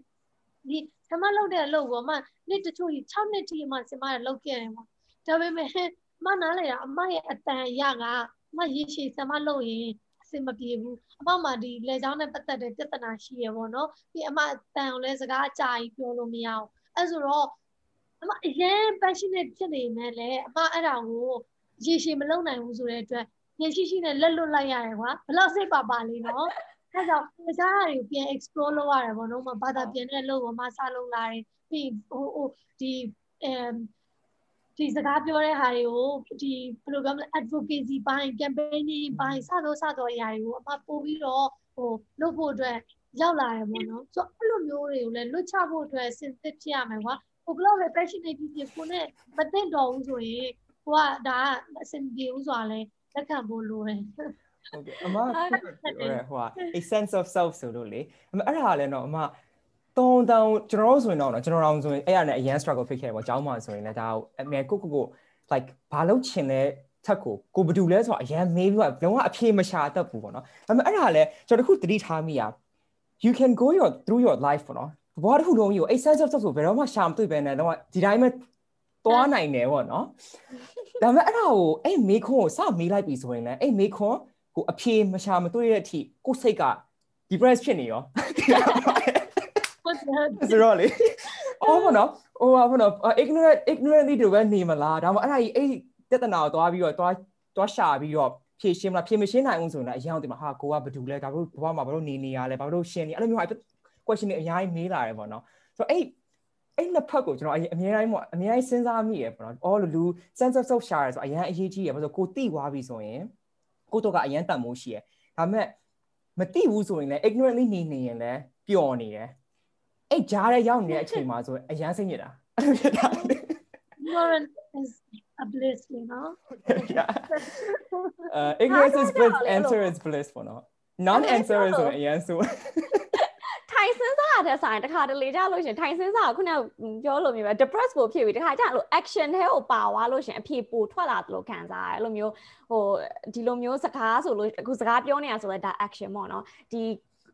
organization နဲ့တခုတည်း volunteer သွားလုပ်တာဆိုလဲ action ပေါ့တခါလေကြလို့ရှင်ဒီလို action တွေထဲမှာနည်းနည်းနည်းနည်းလိုက်ပါပေးလို့ရှင်ကိုကြိုက်တာမကြိုက်တာပိုသိနိုင်တယ်ပေါ့ထိုင်ပြီးစဉ်းစားနေတာကြတော့ခါတလေကြရင်တော့ပို့ပြီးတော့စဉ်းစားပြီးပိုစိတ်ညစ်လာတဲ့အချိန်တွေလည်းရှိရယ်ခါကြမေးခွန်းတော့မေးသွားနော်ဘာမေးနေမှတော့မသိတော့အခုကိုကိုလေးတွေဖြစ်တယ်အဲ့ဒီ process ပေါ့နော်တခါလေမှာပြောင်းလဲသွားနိုင်တယ်ကိုယ့်ရဲ့တွေ့ကြုံပေါ်မှာမူတည်ပြီးတော့ like ကိုသတ်မှတ်ထားတဲ့ sense of self နဲ့အခုကို ကိုထင်တဲ့ substance ကလည်းကွာကွာသွားနိုင်တယ်ဒီလားဘာလဲဆိုအမငယ်တော့ဆိုရင်ကိုကိုကိုအမြဲဒီအာဒီအဲ့ဒါတွေကလည်းနောက်တစ်ခု environment နဲ့လည်းရင်းဆိုင်နေပြီလားဟုတ်ဒီအရင် judge လုပ်တဲ့ environment criticize လုပ်တဲ့ environment not good enough ဆိုရယ်ဟိုဟို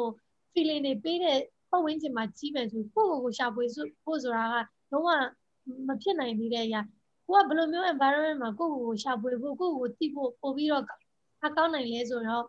when you are in a safe space which means mm. when you're secure in your own bodies and rights without feeling threatened ပေါ့နော်အဲ့လိုဖြစ်မှပဲကိုကလည်းကိုယ့်ရဲ့ဒီ career ပဲပြောပြောကိုယ့်ရဲ့ဖြစ်တည်မှုပဲပြောစတော့ရအောင်လွတ်လွတ်လပ်လပ်နဲ့ဖော်ထုတ်ခွင့်ဟိုဆွေးနွေးခွင့်ပြီးတော့သိခွင့်ရမှာပေါ့အဲကြောင့်အဲ့လိုမျိုးနေရာကလည်းကိုကချပွေရမှာဘာကြောင့်လဲဆိုအဲ့လိုအဲ့လိုနေရာကလူတိုင်းမှာအဲ့လိုမိသားစုမရှိနိုင်ဘူးလေနော် ဟုတ်တယ်အဲကြောင့်ကိုအပြင်ကလူတွေနဲ့အဲ့ဒါကိုချပွေဖို့လေ open ပြရမှာအဲ့မိသားစုတွေနဲ့ပတ်သက်ပြီးတော့လည်းအမခုနကဟို idolize ဆို idolization ပြောနေရောကလည်းလေအဲ့တခုမေးချင်တာအဲ့လိုတော်တော်များများပေါ့နော်သားတို့လည်းအဲ့လိုပဲပေါ့နော်မိဘအဲ့လို family ဆိုလို့ရှင် parents ဆိုလို့ရှင်ဒါငငယ်ကကိုထက်ကြီးကိုပြုစုပြိုးထောင်လာဆိုဒါ idol မဟုတ်တင်အောင်မှဟိုကြည့်ရဲ့မျက်လုံးက okay ဒါမိဘပဲဆိုပြီးတော့ပဲကြည့်ရပါတော့တခါလေကြလို့ရှင်လဲ ဒါဆိုလို့ရှင်လဲအဲ့လိုမျိုးပေါ့နော် okay like သူတို့ရဲ့ဖြတ်သန်းမှုတွေဟိုသူတို့ရဲ့ဟိုဟိုဒီ education အရာပဲအမခုနပြောလို့ပဲတေချာပြန်ပြီးတော့ဘီဘာတယောက်အနေနဲ့မစင်စားဘဲနဲ့လေအဲ့လိုမျိုးလူလူပဲဆိုပြီးတော့တယောက်အနေနဲ့ပြန်ပြီးစဉ်းစားရည်လည်းရှိရဲပေါ့နော် communication ပြန်ရအောင်လို့ပေါ့မှာနောက်မို့ဆိုလို့ရှိရင်ဒီ communication ဖြစ်ဖို့ဒါအတွက်ဆိုအရန်ခက်တယ်ပေါ့နော်ဟိုမိဘဆိုပြီးပြောခါကြတော့ဟိုဘယ်လိုမျိုး ဒီကိုကိုတို့အရေးပါတဲ့စကားတွေပဲ A to Z ဘယ်လိုစပြောရမှန်းတော့မသိဘူးပေါ့နော်နောက်ပိုင်းနည်းနည်းကျတော့လူလိုပဲသူစဉ်းစားလိုက်တဲ့အချိန်မှာ okay like ဘယ်လိုဘာဆက်ပြောရင်ကောင်းမလဲဘယ်လိုမျိုးပြန်တွေးပြီးရင်ကောင်းမလဲဆိုပြီးတော့တစ်ချက်ပြန်စဉ်းစားလာတယ်ဒီမိုင်း title တွေကပေါ့နော်အဲ့လိုတာမိပါပါပဲဖြစ်အဲ့လိုမျိုးဟာပို identity ထက်ပိုပြီးတော့အရေးအရေးကြီးတာတော့မဟုတ်ဒါပေမဲ့အဲ့ဒါကိုပိုမြင်ကြရတယ်ပေါ့နော်ကျွန်တော်တို့တခုတွေးမိအဲ့လိုမျိုးဆိုတော့ဒီ အမခုနကကျွန်တော်ဟိုအရင်တော့ဟိုဟိုတစ်ခေါက်ကပြောသလိုပေါ့ဒီဗါအမျိုးသားတွေကိုသူတို့ရဲ့ဒီ box ပေါ့နော်အမျိုးသမီးသူတို့ရဲ့ box ဆိုလဲအဲ့ box မှာဝင်နေဆိုဒါ identity ဒီ identity ကဒါဆိုဖြစ်သွားပြီပေါ့နော်ထပ်စဉ်းစားကြမလို့တော့ဒါတယောက်အနေနဲ့ဆိုသူတို့ဖြစ်ကြမယ်ဒီထဲမှာဝင်သွားဆိုကိုတိတ်အဲ့လိုမျိုးကြောင့်စဉ်းစားရမှာတော့ဆိုတော့အဲ့ပြဿနာပြဿနာလို့ခေါ်ရမှာတော့မသိဘူးပေါ့နော်ဒီဒီ issue ပေါ့နော်ဟုတ်တယ်ပြဿနာဟုတ်အဲ့လိုလေစဉ်းစားအမငယ်ကလေးကမိဘတွေရောလို့ ဖြစ်တဲ့စိတ်တော့ရှိရပါတော့ဒါပေမဲ့ကြီးမားတဲ့ဒီ idolization ပဲပြောပြောဒီ role model အနေနဲ့တော့ဟိုတော့မစုမမြင်ခဲ့မမြင်ခဲ့ဘူးဒါ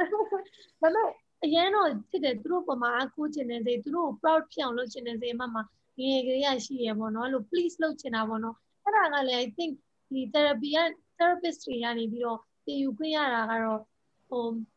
attention ပြပြဝဝမရခဲ့လို့ မရခဲ့တော့တချို့ကအရင်စိုးပြပြီးတော့ attention ယူရတချို့ကအရင်ကောင်းပြပြီးတော့အမအဲ့ဒုတိယမှာပါတယ်ကောင်းပြပြီးတော့ဗောနော်တော်ပြကောင်းပြပြီးတော့မိဘတွေရဲ့ attention ကိုယူခဲ့တယ်။တော့ညာလေ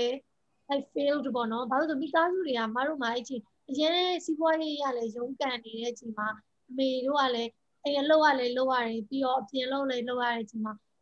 ကလေးတွေကိုလေကြောင်းထားနိုင်ပြီးပြီပဲဆိုတော့သူတို့သူတို့လည်းအဲ့လိုပဲကြီးပြလာခဲ့တာလीနော် they were raised that way and if i was raised that way i would probably treat the same way လို့နော်အဲ့တော့သူအဲ့လိုမျိုးသက်ဆိုင်ခဲ့တဲ့အချိန်မှာအမဒီ adult life မှာရောက်လာတဲ့အချိန်မှာ psychology ကိုလေ့လာတဲ့အချိန်မှာ I realize ပေါ့အမဖေကတော့ so sorry ဆုံးသွားတယ်ပေါ့နော်ဆုံးသွားတဲ့အတွက်အမအမေနဲ့ပတ်သက်ပြီးတော့ resentment တွေအများကြီးရှိတယ်အမသူ့နဲ့ပတ်သက်ပြီးတော့ ဒီ trauma တွေမပြောလိုက်ရတဲ့စကားတွေခုနပြောသလို gap တွေလည်းအများကြီးရှိခဲ့ရပေါ့နော်ငယ်တော့ကတခုခုဆိုရင်အမေနဲ့ဆွေးနွေးခြင်းနဲ့ကအမေက unavailable ဖြစ်တယ်ပေါ့နော်အဲ့လိုမျိုးပြီး enthusiastically လည်းနားမထောင်ပေးဘူးဘာလို့သူလည်းအဲ့လိုမျိုးမိဘနဲ့မကြည့်ခဲ့အောင်ဒီမှာအမဒီ psychology လေ့လာပြီးတော့ therapist တွေနဲ့တွေ့ပြီးတဲ့နောက်ပိုင်းမှာ I sat down with her ပေါ့နော်အမခံစားရတဲ့ဒီ trauma တွေပဲပြီးတော့သူနဲ့ပတ်သက်တဲ့အတွေ့အကြုံအမရဲ့ perspective ကနေပြီးတော့ သူ့ပြောပြလိုက်ပြီငငယ်ကလေးကနေပြီးတော့လေဟိုသူကကျတော့ဟိုဒီမှာမှသူကလည်းရုပ်တရက် realization ဖြစ်သွားတာ။ဟောငါဒီလိုလုပ်ခဲ့တာကသူ့မှာ role တွေအများကြီးရှိတယ်။အမအဲ့တော့သမီး role နဲ့တောင်းသူ role ပဲရှိခဲ့တယ်။ဒါပေမဲ့သူ့မှာအဲ့တော့မယားဖြစ်ရမယ့် role ကရှိတယ်။ပြီးရင်အိမ်ရှင်မဖြစ်ရမယ့် role ကရှိတယ်။ပြီးအမေဖြစ်ရမယ့် role ကရှိတယ်။ပြီးချွေးမဖြစ်တာဆိုချွေးမဖြစ်နေရတော့ချွေးမကလည်းပြန်ခုနဟိုအိမ်ရှင်မပေါ့နော်။ပြီးနောက်တစ်ခုကကျတော့ အပြင်လောက်ရလဲလောက်ရတယ်အဲ့လိုဖြစ်တဲ့အချိန်မှာအမကလည်းသူ့ရဲ့ angle ကိုနားမလည်ခဲ့အောင်အဲ့တော့ဆိုတော့ trauma trauma ဆိုပြီးယူပြီးလာခဲ့ရပါငါ trauma ငါ trauma ဆိုပြီးတော့အဲ့ချိန်မှာမသူ့ရဲ့ story နားထောင်တဲ့အချိန်မှာမ that's not really a fault totally like သူ့နေရာမှာငါရှိရင်ငါလည်းဒီလိုမျိုးဖြစ်သွားနိုင်တယ်ဆိုပြီးတော့အဲ့ချိန်မှာမမတို့ communication မှာဟို clear ဖြစ်သွားခဲ့တယ် clear ဖြစ်သွားအခုဆိုရင်အမ A to Z နာညီမလေးပြောလို့အမအမေနဲ့ပဲအကုန်လုံးဆွေးနေတယ်နောက်ဆုံးဒီဒီချင်စရာကောင်းတဲ့ခုန criticism ဆိုရင်လေဟိုကြားကြားစီဆိုအမေကိုပထမဆုံးပုံဆက်ပြီးတော့ထိုင်နေတာလို့ပြောတာဆိုတော့ healthy relationship ဘက်ကိုယာရင်လာတယ်ပေါ့နော်အသက်ကြီးလာတော့ I think it's really important to have a healthy relationship with your family if possible ပေါ့နော်ဒါပေမဲ့ like every family is not possible အမတကယ်ချင်းအများကြီးရှိတယ်ဒီလိုပဲ parent အနေနဲ့ resentment ရှိတယ်ဒါပေမဲ့ တကားဝိုင်းကိုမစချင်ဘူး။ဘာကြောင့်လဲဆိုဒီရှိနေတဲ့ relationship တောင်မှပျောက်ဆုံးသွားမှကြောက်နေတာပါ။ဆိုတော့အဲ့ဒါလေးတနည်းတဲ့ပုံနဲ့မြန်မာနိုင်ငံရဲ့ parenting မှာအများကြီးဟိုလိုအပ်ချက်တွေရှိနေရလေဟိုမိဘနဲ့သားသမီးမှာ gap တွေအများကြီးထားတာလေ power maintain လုပ်ဖို့လေနော်ဟုတ်တယ်ဟုတ်တယ်ဒါပေမဲ့အဲ့ gap တွေအကြောင်းပြောလို့ပါမှာကျွန်တော်တို့ဒီ America ရောက်သွားပြီဆိုရင် America မှာကျွန်တော်ပထမနှစ်ပေါ့နော်ကျွန်တော်တငယ်အခန်းဖော်တွေတငယ်ချင်းတွေမိဘတွေလာတဲ့အချိန်ကျရင်လည်း သူတို့ဆက်ဆံတဲ့ပုံတွေ့ရင်လည်းကျွန်တော်အဲ့လိုမျိုးဆက်ဆံလို့ရလားဆိုလည်းမရဘူးဗျာအဲ့လိုလည်းမလုပ်ချင်ဘူးအဲ့လိုလည်းဟုတ်တယ်ဟုတ်တယ်နောက်တစ်ခါကိုသွားလို့ရတယ်နော်အဲအမရမှာဘာလို့အမလေးတွေပြီးခဲ့တဲ့ဒီတရက်နှစ်ရက်ရှိရပဲစောင်းတောင်းနားထောင်နေရ audio book လေးဟုတ်ဒီနဲ့သမီးစကားပြောရလေနားထောင်နေရတာလုံးဝအဆင်မပြေဘူးသူကစကားပြောနေတယ်လို့ခံစားရပြီးတော့လေ like oh my god this is so weird လို့ ငါသားလို့အဲ့လိုဖေးရှိငါအဲ့လိုမျိုးပြန်တုံ့ပြန်မလားဆို no ပဲနိုင်ငံမှာဒီဒီကွာပါလေနော်မခုနကပြောလို့လေအဲ့လို communication ထားဆိုလဲအဲ့လိုမျိုး parents တွေနဲ့လုပ်ဖို့ပေါ့နော်ဒီအဲ့လိုပြောရတဲ့အချိန်မှာလေဒီလို mental health အဲ trauma ဆိုရဲဟာကိုပြောလို့ရှင်ဒါကိုယ့်ဖက်က mental health ပဲဖြစ်သူ့ဖက်က mental health ပဲဖြစ်ဖြစ်ဒါကို table ပေါ်မှာချပြီးတော့စကားပြောဖို့လိုအပ်လာပြီပေါ့နော် ဒီမြန်မာပြည်မှာကျတော့လူကြီးပိုင်းနေတဲ့နဲ့စကားပြောတဲ့အချိန်မှာဒီ mental health စိတ်ပိုင်းဆိုင်ရာနဲ့ပြောလို့ရှင်စိတ်ပိုင်းဆိုင်ရာတစ်ခုခုဖွာဖြစ်တယ်ဆို you you နေရပါညာအဲ့လိုမျိုးထင်တဲ့ဟာ stigma ရှိနေတော့မှမရဲ့အဲ့လိုဆိုဒီလူကြီးတွေနဲ့ mental health နဲ့ကိစ္စနဲ့အမ family member ပဲဖြစ်ဖြစ်ပေါ့နော် communicate လုပ်လို့ရှင်ဘယ်လိုမျိုးစပြောလဲအော် I don't know ဟိုပါပေါ့အဓိကအမ anecdote တွေပေးတာများတယ်ဟို ဟိုကိုဖြစ်ခဲ့တဲ့အဲ့ဖြစ်တဲ့အတိအကျကိုရှင်းပြရင်ပြီးရှင်းပြတဲ့အချိန်မှာလည်းဘယ်တော့မှ I try not to make judgment I just say how I felt အဲ့လိုအခြေအနေမှာကျွန်တော်ဥမာအမအမေရဲ့ဥပမာတစ်ခုကိုပြမယ်ဟိုအမရဲ့အမေကအာအမနှစ်တိုင်းတောင်းမှစုရတယ်အမတို့ရွာเจ้าမှာဆိုနှစ်တိုင်းစုပေးရပွဲလုံးတယ်တခြားနေရာတွေမှာတော့မသိဘူးအဲ့ဆိုစုရတယ်ကွာပြီးရင်စုရရင်เจ้าကဖိတ်စာပေးရင်စုရတဲ့လူတွေရဲ့မိဘလာကိုလာရမှာကွာ အခုံနေလဲရှိမှပြီးထားတာပြီးအဲ့ဆိုအမကအမဖေရကြတော့ပြင်မှာပဲအလုပ်လုပ်တော့အိမ်မှာမရှိတတ်ဘူးအမေကအိမ်မှာ full time ရှိရပါတော့သူကအိမ်မှာအိမ်ရလုပ်လဲလုပ်တာဆိုတော့လေအဲ့ဆိုအမကဒီဖိတ်စာကိုအမေကိုပေးရင်လာရမှာနော်ဆိုသူငယ်တန်းတော့လာမယ်လာမယ်ပြောတယ်စောင်းစုပွေးပွဲကိုအမကိုတငယ်ချင်းတွေရဲ့မိဘတွေနဲ့လွတ်ပေးလိုက်နေသွားလိုက်တယ်ပေါ့နော်သူငယ်တန်းမှာမလာဘူးတစ်တန်းမှာလည်းမလာဘူးနှစ်တန်းမှာလည်းမလာ သုံးတန်းမှာလည်းမလာဘူးတဖြည်းဖြည်းနဲ့လေနောက်ပိုင်းကျတော့အမကလေအဲ့ဒီကလေးက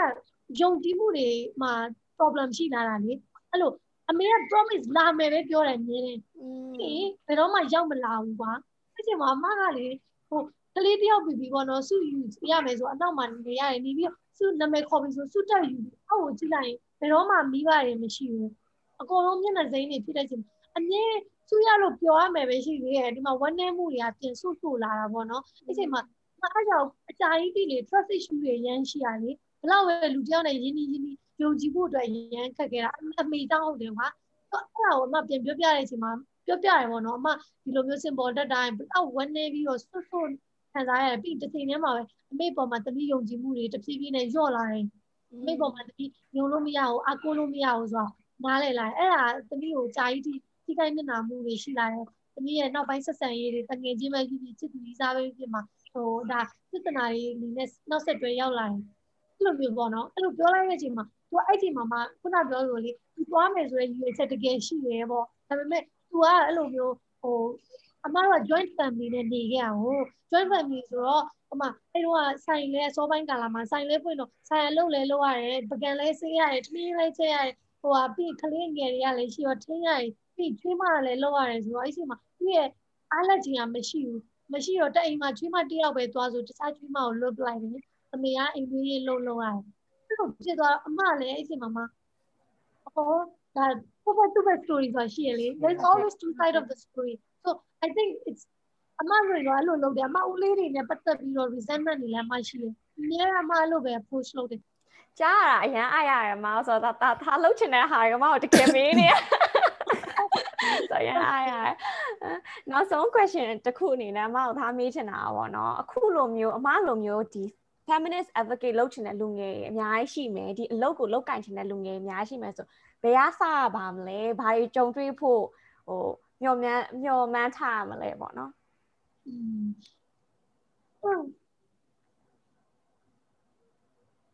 Yes, yes, I'm very good. Cut it. That's all is much now. Everyone has a very unique situation. Hey, it's situation for my mood. Did you know? Wow, good to be a အင့်တော်ဆုံးဒါမှမဟုတ်ကိုယ့်အတွက် safe ဖြစ်ဆုံးလဲဆိုတာကိုစဉ်းစားရမယ်အဲ့ဒီမှာမှပြောချင်တဲ့ချက်ကလေ conflict ရှိနေပြီအခုမှ activism ကိုဝင်လာတဲ့လူဒါမှမဟုတ် activist ဖြစ်ချင်တဲ့လူဒါမှမဟုတ်ဒီဘယ်နဲ့ပဲမှာပဲဖြစ်ဝင်လာပြီဆိုတာနဲ့ဟိုတွေးတဲ့နေရာနံပါတ်1က be kind to yourself ဘာကြောင့်လဲဆိုဒီ သေချာရတော့မတို့ဒီ activism လောကကိုဝင်လာတယ်ဆိုတာနဲ့တရားမမျှတမှုကိုမြင်လို့လိုအပ်ချက်ကိုတွေးနေလို့မတို့ဝင်လာတာဖြစ်တယ်ဝင်လာတာဖြစ်မယ်ပေါ့နော်ဖြစ်မဲ့အတွက်ဒီတရားမျှတမှုတွေကကိုဝင်လာလို့ဘုံကနေဆိုပျောက်သွားမှာမဟုတ်ဘူးကိုကိုတော်မှ notice လုပ်တဲ့အရာကိုကိုစီလူတွေကလာပြီးတော့အကူမဲ့အရာတွေပုံမများလာမှာဖြစ်တဲ့အတွက် don't take serious about everyone else like လူတိုင်းလူတိုင်းအောက်ဆောင်လေသူတို့သူတို့ဒီဘာခေါ်မလဲသူ တို့ဘာပြောလဲဘယ်လိုပြောလဲဘယ်လိုလုပ်ရမလဲဘာလို့လဲဟို activist လုပ်တဲ့အချိန်မှာလေဒါစိတ်ဝင်စားစရာကောင်းတာလေလူတွေက activism ကိုဘယ်လိုလုပ်ပါဆိုပြီး activist မဟုတ်တဲ့လူတွေကမကြခဏလာပြီးပြောလေဘောလုံးပဲကြည့်တယ်လို့လေသိလားဘောလုံးပဲဟိုသူကကန်နေတယ်ဘာလို့ဒီဟာလို့ဆိုပြီးအတီလို့ပြောနေရလေအရန်တူတယ်လို့သူလူတွေရှိနေမှာပေါ့နော်ဆိုတော့ uh learn to ignore like sometimes it's okay not to respond ဘာလို့အမလည်းစောပိုင်းကာလမှာဆိုလူတိုင်းကို respond လုပ်ရမယ်ဆိုတော့ the need to respond everyone ဖြစ်ခဲ့တာဒါပေမဲ့ mental health အတွက်ကိုယ်ကိုကိုင်းလို့ဖို့အတွက်ဆိုတာတစ်ခါလေ you have to choose who to respond when to respond how to respond or not to respond at all mm. it's called being kind to yourself and like for respond မလုပ်တာလဲ it's a choice ဆိုတာသိထားရမယ်ပေါ့နော်ဒီနောက်တစ်ခုကကြတော့ဒါရေးရေးကြည့်ရတာက website ဟိုတော့ဘောနော်ပတ်စံဝင်တဲ့အလုပ်ကိုလုပ်ပါတခုခုအဲကြောင့်လဲဆို you need to be self sufficient in order to help the people around you or help mm. better the world ကဘာကြီးကိုပုံမကောင်းမအောင်လုပ်ဖို့ဆိုကိုယ့်ရဲ့ဘိုက်ကိုကိုယ်ကဖြစ်နိုင်ဖို့လိုတယ်အဲကြောင့်မို့လို့ဒီကိုယ့်ရဲ့ activist work ကကိုယ်ပတ်စံရှာပတ်စံဝင်ဝင်ပေးတယ်ဆိုရင် that's great ဒါပေမဲ့မပေးဘူးဆိုရင် try to have more than one job like side hustle အမဆိုရင်ဟိုအရင်တော့ teacher လုပ်နေရင်းနဲ့လည်း translator လုပ်တယ်အဲဒါထဲမှာဆိုရင်လည်းအမ feminist ဆိုပြီးတော့ professionally လုပ်နေတဲ့အချိန်မှာဆိုရင်လည်းအမဟို side hustle ပတ်စံဝင်ဝင်ရအောင်ဆိုပြီးတော့ဒီ interpretation တို့ပြီးရင်ဒီ um uh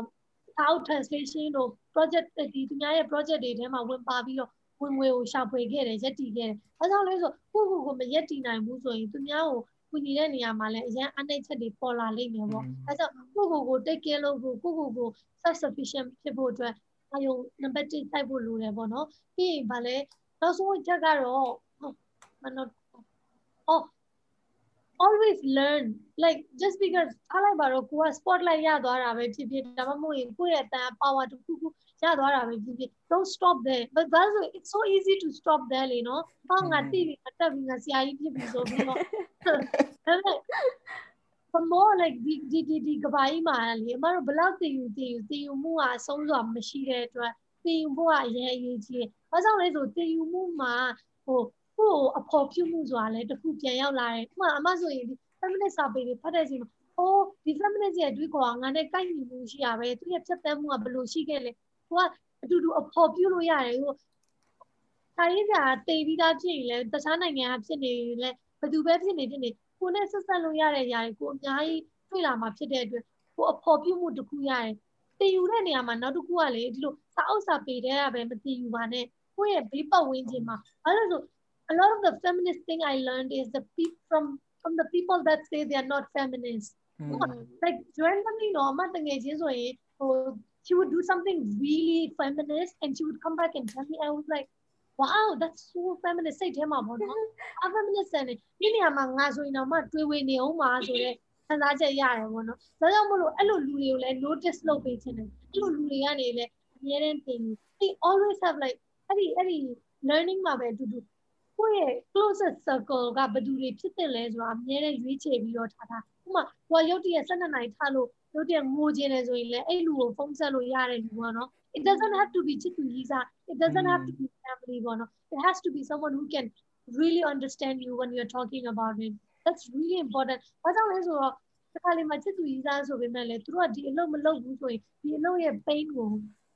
ကိုရိုနဲ့ equally လိုက်ပြီးမခံစားနိုင်ဘူးအဲ့အဲ့လူကို collectively ရှာထားပေါ့အဲ့လိုဖြစ်တဲ့အချိန်မှာကိုကပိုပိုပိုပြီးတော့ strong ဖြစ်တယ်လို့ခံစားရတယ်။ အော်ဒီ journey မှာငါတယောက်တည်းမဟုတ်ပါလား။ဟိုအခုမလေးတို့မောင်လေးတို့အာတခြားတငယ်ချင်းတွေအတူတူရှိရဲဆိုရင်ကိုကစိတ်ထဲမှာအားလည်းမငယ်တော့ဘူးလေနော်။ပိုပြီးတော့ထပ်သွားခြင်းနဲ့စိတ်လေးဖြစ်တယ်လေနော်။အမခုနပြောလိုက်လို့ပေါ့နော်ကျွန်တော်ကျွန်တော်အခုခုပြောအမျိုးသားအကြောင်းတွေလည်းပြောတယ်ဒီ feminist ကိုကို feminist မခေါ်ဘူးဆိုလည်းလူတွေလည်းရှိတယ်ဟိုဒါပေမဲ့ activism ဆိုတော့အော်ဒါသူတို့အတူပေါ့နော်ဒီ minority သုံးနေတဲ့လူတွေဆိုတော့ဒီ majority နဲ့မဆိုင်ဘူးပေါ့နော် အဲ့လိုမျိုးလူတွေအတွက်ကိုအမဘယ်လိုမျိုးဘာပြောချင်လဲဘယ်လိုမျိုးဘယ်လိုပြောလို့ဘာပြောလို့ရလဲပေါ့နော်သူတို့လည်းဒီလိုနားလည်အောင်ပေါ့နော်ဆိုနေ Well I think I only just put a family ကိုပဲ reflect လုပ်စေချင်တယ်မှာအဲ့လို family မှာ power ကဘယ်သူရှိနေရလဲမှာ family မှာကို power ရှိတဲ့လူ decision ချတဲ့လူကဘယ်သူရှိလဲပြီးရင်ကိုယ့်ရဲ့ကျောင်းမှာဘယ်သူက position အမြင့်ဆုံးမှာရှိနေလဲကိုယ့်ရဲ့အလုပ်ခွင်မှာ position အမြင့်ဆုံးဘယ်သူရှိလဲကိုယ့်ရဲ့ရက်ကွက်မှာ ရက်ကွက်လူကြီးဘယ်သူဖြစ်နေဒီဟာတွေရဲ့ answer အားလုံးကအမျိုးသားလို့ပြောနေပြီဆိုရင်ဒါ problem ဖြစ်ပြီဆိုတာကိုကမြင်နေရပြီလေနော်ဆိုကိုကဒီလို system မှာရှင်သန်ရတာတကယ် productive ဖြစ်တဲ့ system လားဆိုတာကိုလည်းသိရမယ်ဒါပေမဲ့အမအရေးကြီးဆုံးပြောရမယ်ဆိုရင်တော့လေမျိုးသားတွေကိုလေဒီကိစ္စမှာပါဝင်ဖို့ဆိုတာကဟိုအမျိုးသမီးတွေ ဖိတ်ခေါ်ရမယ်ပြီးရင် feminist တွေကတွန်းအားပေးပြီးခေါ်ရမယ်တာဝန်တစ်ခုတည်းလို့မထင်ဘူးအဲဆိုကနေပြီးတော့လေသူတို့ဒီပြဿနာကိုသိယူခြင်းတဲ့စိတ်ကရှိရမယ်ဒါပေမဲ့ဟုတ်ကဲ့ဒီမှာလေအမကျင်တာလေအဲ့လိုလူတွေကိုပြောင်းလဲလို့ရတာဒီလိုစကားဝိုင်းနေဟုတ်တယ်ဆို feminist စကားဝိုင်းလို့ထင်မှာမဟုတ်လေနားထောင်နေချင်း right နားထောင်လိုက်မယ်နားထောင်ရင်းနဲ့ feminism ဆိုတော့တစ်ခါမှမကြားဘူးတဲ့လူတွေဘာများလဲဆိုတော့လေ့လာခြင်းမှာပြီးဒီလိုမျိုးတာမန်စကားဝိုင်းတာမန်ဆိုတာကအမတို့ personal storytelling ကနေသွားတဲ့စကားဝိုင်းတွေကလူတွေနဲ့ချိတ်ဆက်တဲ့အချိန်မှာအရင်ကိုလွယ်ကူတဲ့စနစ်တစ်ခုဖြစ်နေအဲဆိုတော့ these kind of podcasts are very important I keep doing that ပြီးဒီ workshop တွေလုပ်နေတာလည်းထပ်လုပ်ရမယ်စာပေတွေကလည်းထပ်ပြီးတော့ထုတ်ရမယ်ပြီးရင်ဆိုရလည်းဥပဒေတွေပြောင်းတာတွေကိုဆက်လုပ်ရမယ်အများကြီးပေါ့နော်ပြီးတော့ကိုယ်ကလေကိုယ့်ရဲ့တငယ်ချင်းတွေကိုလေသူ feminist ဆန်တဲ့အရာတခုပြောရင် သူ feminist ဆန်တယ်လို့ပြောပလိုက်ရမှာအမတငယ်ချင်းတယောက်ရှိခဲ့ဘူးလေဒီလားလူငယ်တဲ့3နှစ်ရှိရဆိုရင် तू ကသူ့ကို तू feminist မဟုတ် feminist ကြောင့်မှ feminist မဟုတ်တဲ့အပြင် तू ကဘာပြောလဲဆို तू ကသားမင်းကလေးတွေနဲ့မတူပါဘူးဆိုတော့ဟိုကိုအမြဲယူလေးရှိတယ်အဲ့ဒါအမတို့နဲ့ကောင်းတဲ့ကာလနေပြင်းပြင်းနဲ့လေဒီ3နှစ်အတွင်းမှာ now she says she's a feminist like doesn't read any books နော်သူစာအုပ်တောင်းမှလည်းဖတ်ထားတာမဟုတ်နော်အမစာအုပ်နောက်ပဲဖတ်ထားတာပြီးရင်သူက တပြေးပြေးနဲ့သူကလေအမကနေပြီးတော့သူ problem တွေနားထောင်ရင်နားထောင်ရင်နဲ့သူကိုယ်တိုင်ရဲ့သူ့ရဲ့ဘဝကို reflect လုပ်လာတယ်။အဲငါလည်း harassment တွေလုပ်ခင်ရတယ်။ငါလည်းအဲ့လို abuse တွေလုပ်ခင်ရတယ်။ငါလည်း discrimination လုပ်ခင်ရတယ်။ညပြောတာပြဿနာတွေဟုတ်ပါလားဆိုတာကိုသူကသတိထားမိလာတယ်။အဲ့ဒီမှာမှသူကတရားကို fully အဲ့ဒါလေးအဲ့ဒါလေးအမအရင်အတက်စေတယ်ပို့ပြီးတော့လေတရားကိုဆက်လုပ်စေခြင်းနဲ့အတတိထဲမှာပဲခုနပြောလို့သဘောမတူတဲ့လူတွေရှိနေလို့လေဒီက ပြောမဲ့လူလိုနေတယ်ဆိုပြီးတော့ဆက်လုပ်နေရတာတွေလည်းရှိနေရော contrary ဖြစ်နေသွားကမိုင်ကျေးဇူးအများကြီးတင်ပါတယ်ဒီနေ့ဟို plan လုပ်ထားတဲ့ topic တွေကိုပြောတာတွေမကဘူးပေါ့နော်တကယ်ဟိုအမနဲ့အပြင်မှာထိုင်ပြီးတော့ coffee တောက်ပြီးတော့ပြောနေရသလိုလဲခံစားရတယ်ဆိုတော့အရင်ကြီးအများအများကြီးကျေးဇူးတင်ပါတယ်အမနောက်လဲပြောချင်ပါသေးတယ်ဟုတ်ဒီလိုပဲ thank you for having me ပြီးတော့အာဒီလိုမျိုး podcast ကို ဟိုဒီလိုမျိုးခက်ခဲတဲ့စကားဝိုင်းပြောရမှာလားဒီလိုမျိုးပုံမှန်ပြောလို့မပြောလိပြောထားလောက်ရတာမကြိုက်တဲ့စကားဝိုင်းကိုအဲ့လိုအမတို့လိုအမတို့နဲ့ခုလိုလူပေါ့နော်ပေါ့ပေါ့ပါပါပြောတာကအများကြီးလဲလူတွေအတွက် engagement ရအောင်ဖြစ်နိုင်တဲ့လမ်းလာလမ်းစာတစ်ခုဖြစ်တယ်ပေါ့နော်ဒါကြောင့်မို့လို့စဆက်လုပ်ပါအမအဖိတ်နေမယ်ပြီးတော့ thank you ပါလို့ကျေးဇူးပါအမအားရပါတယ်ပြောလို့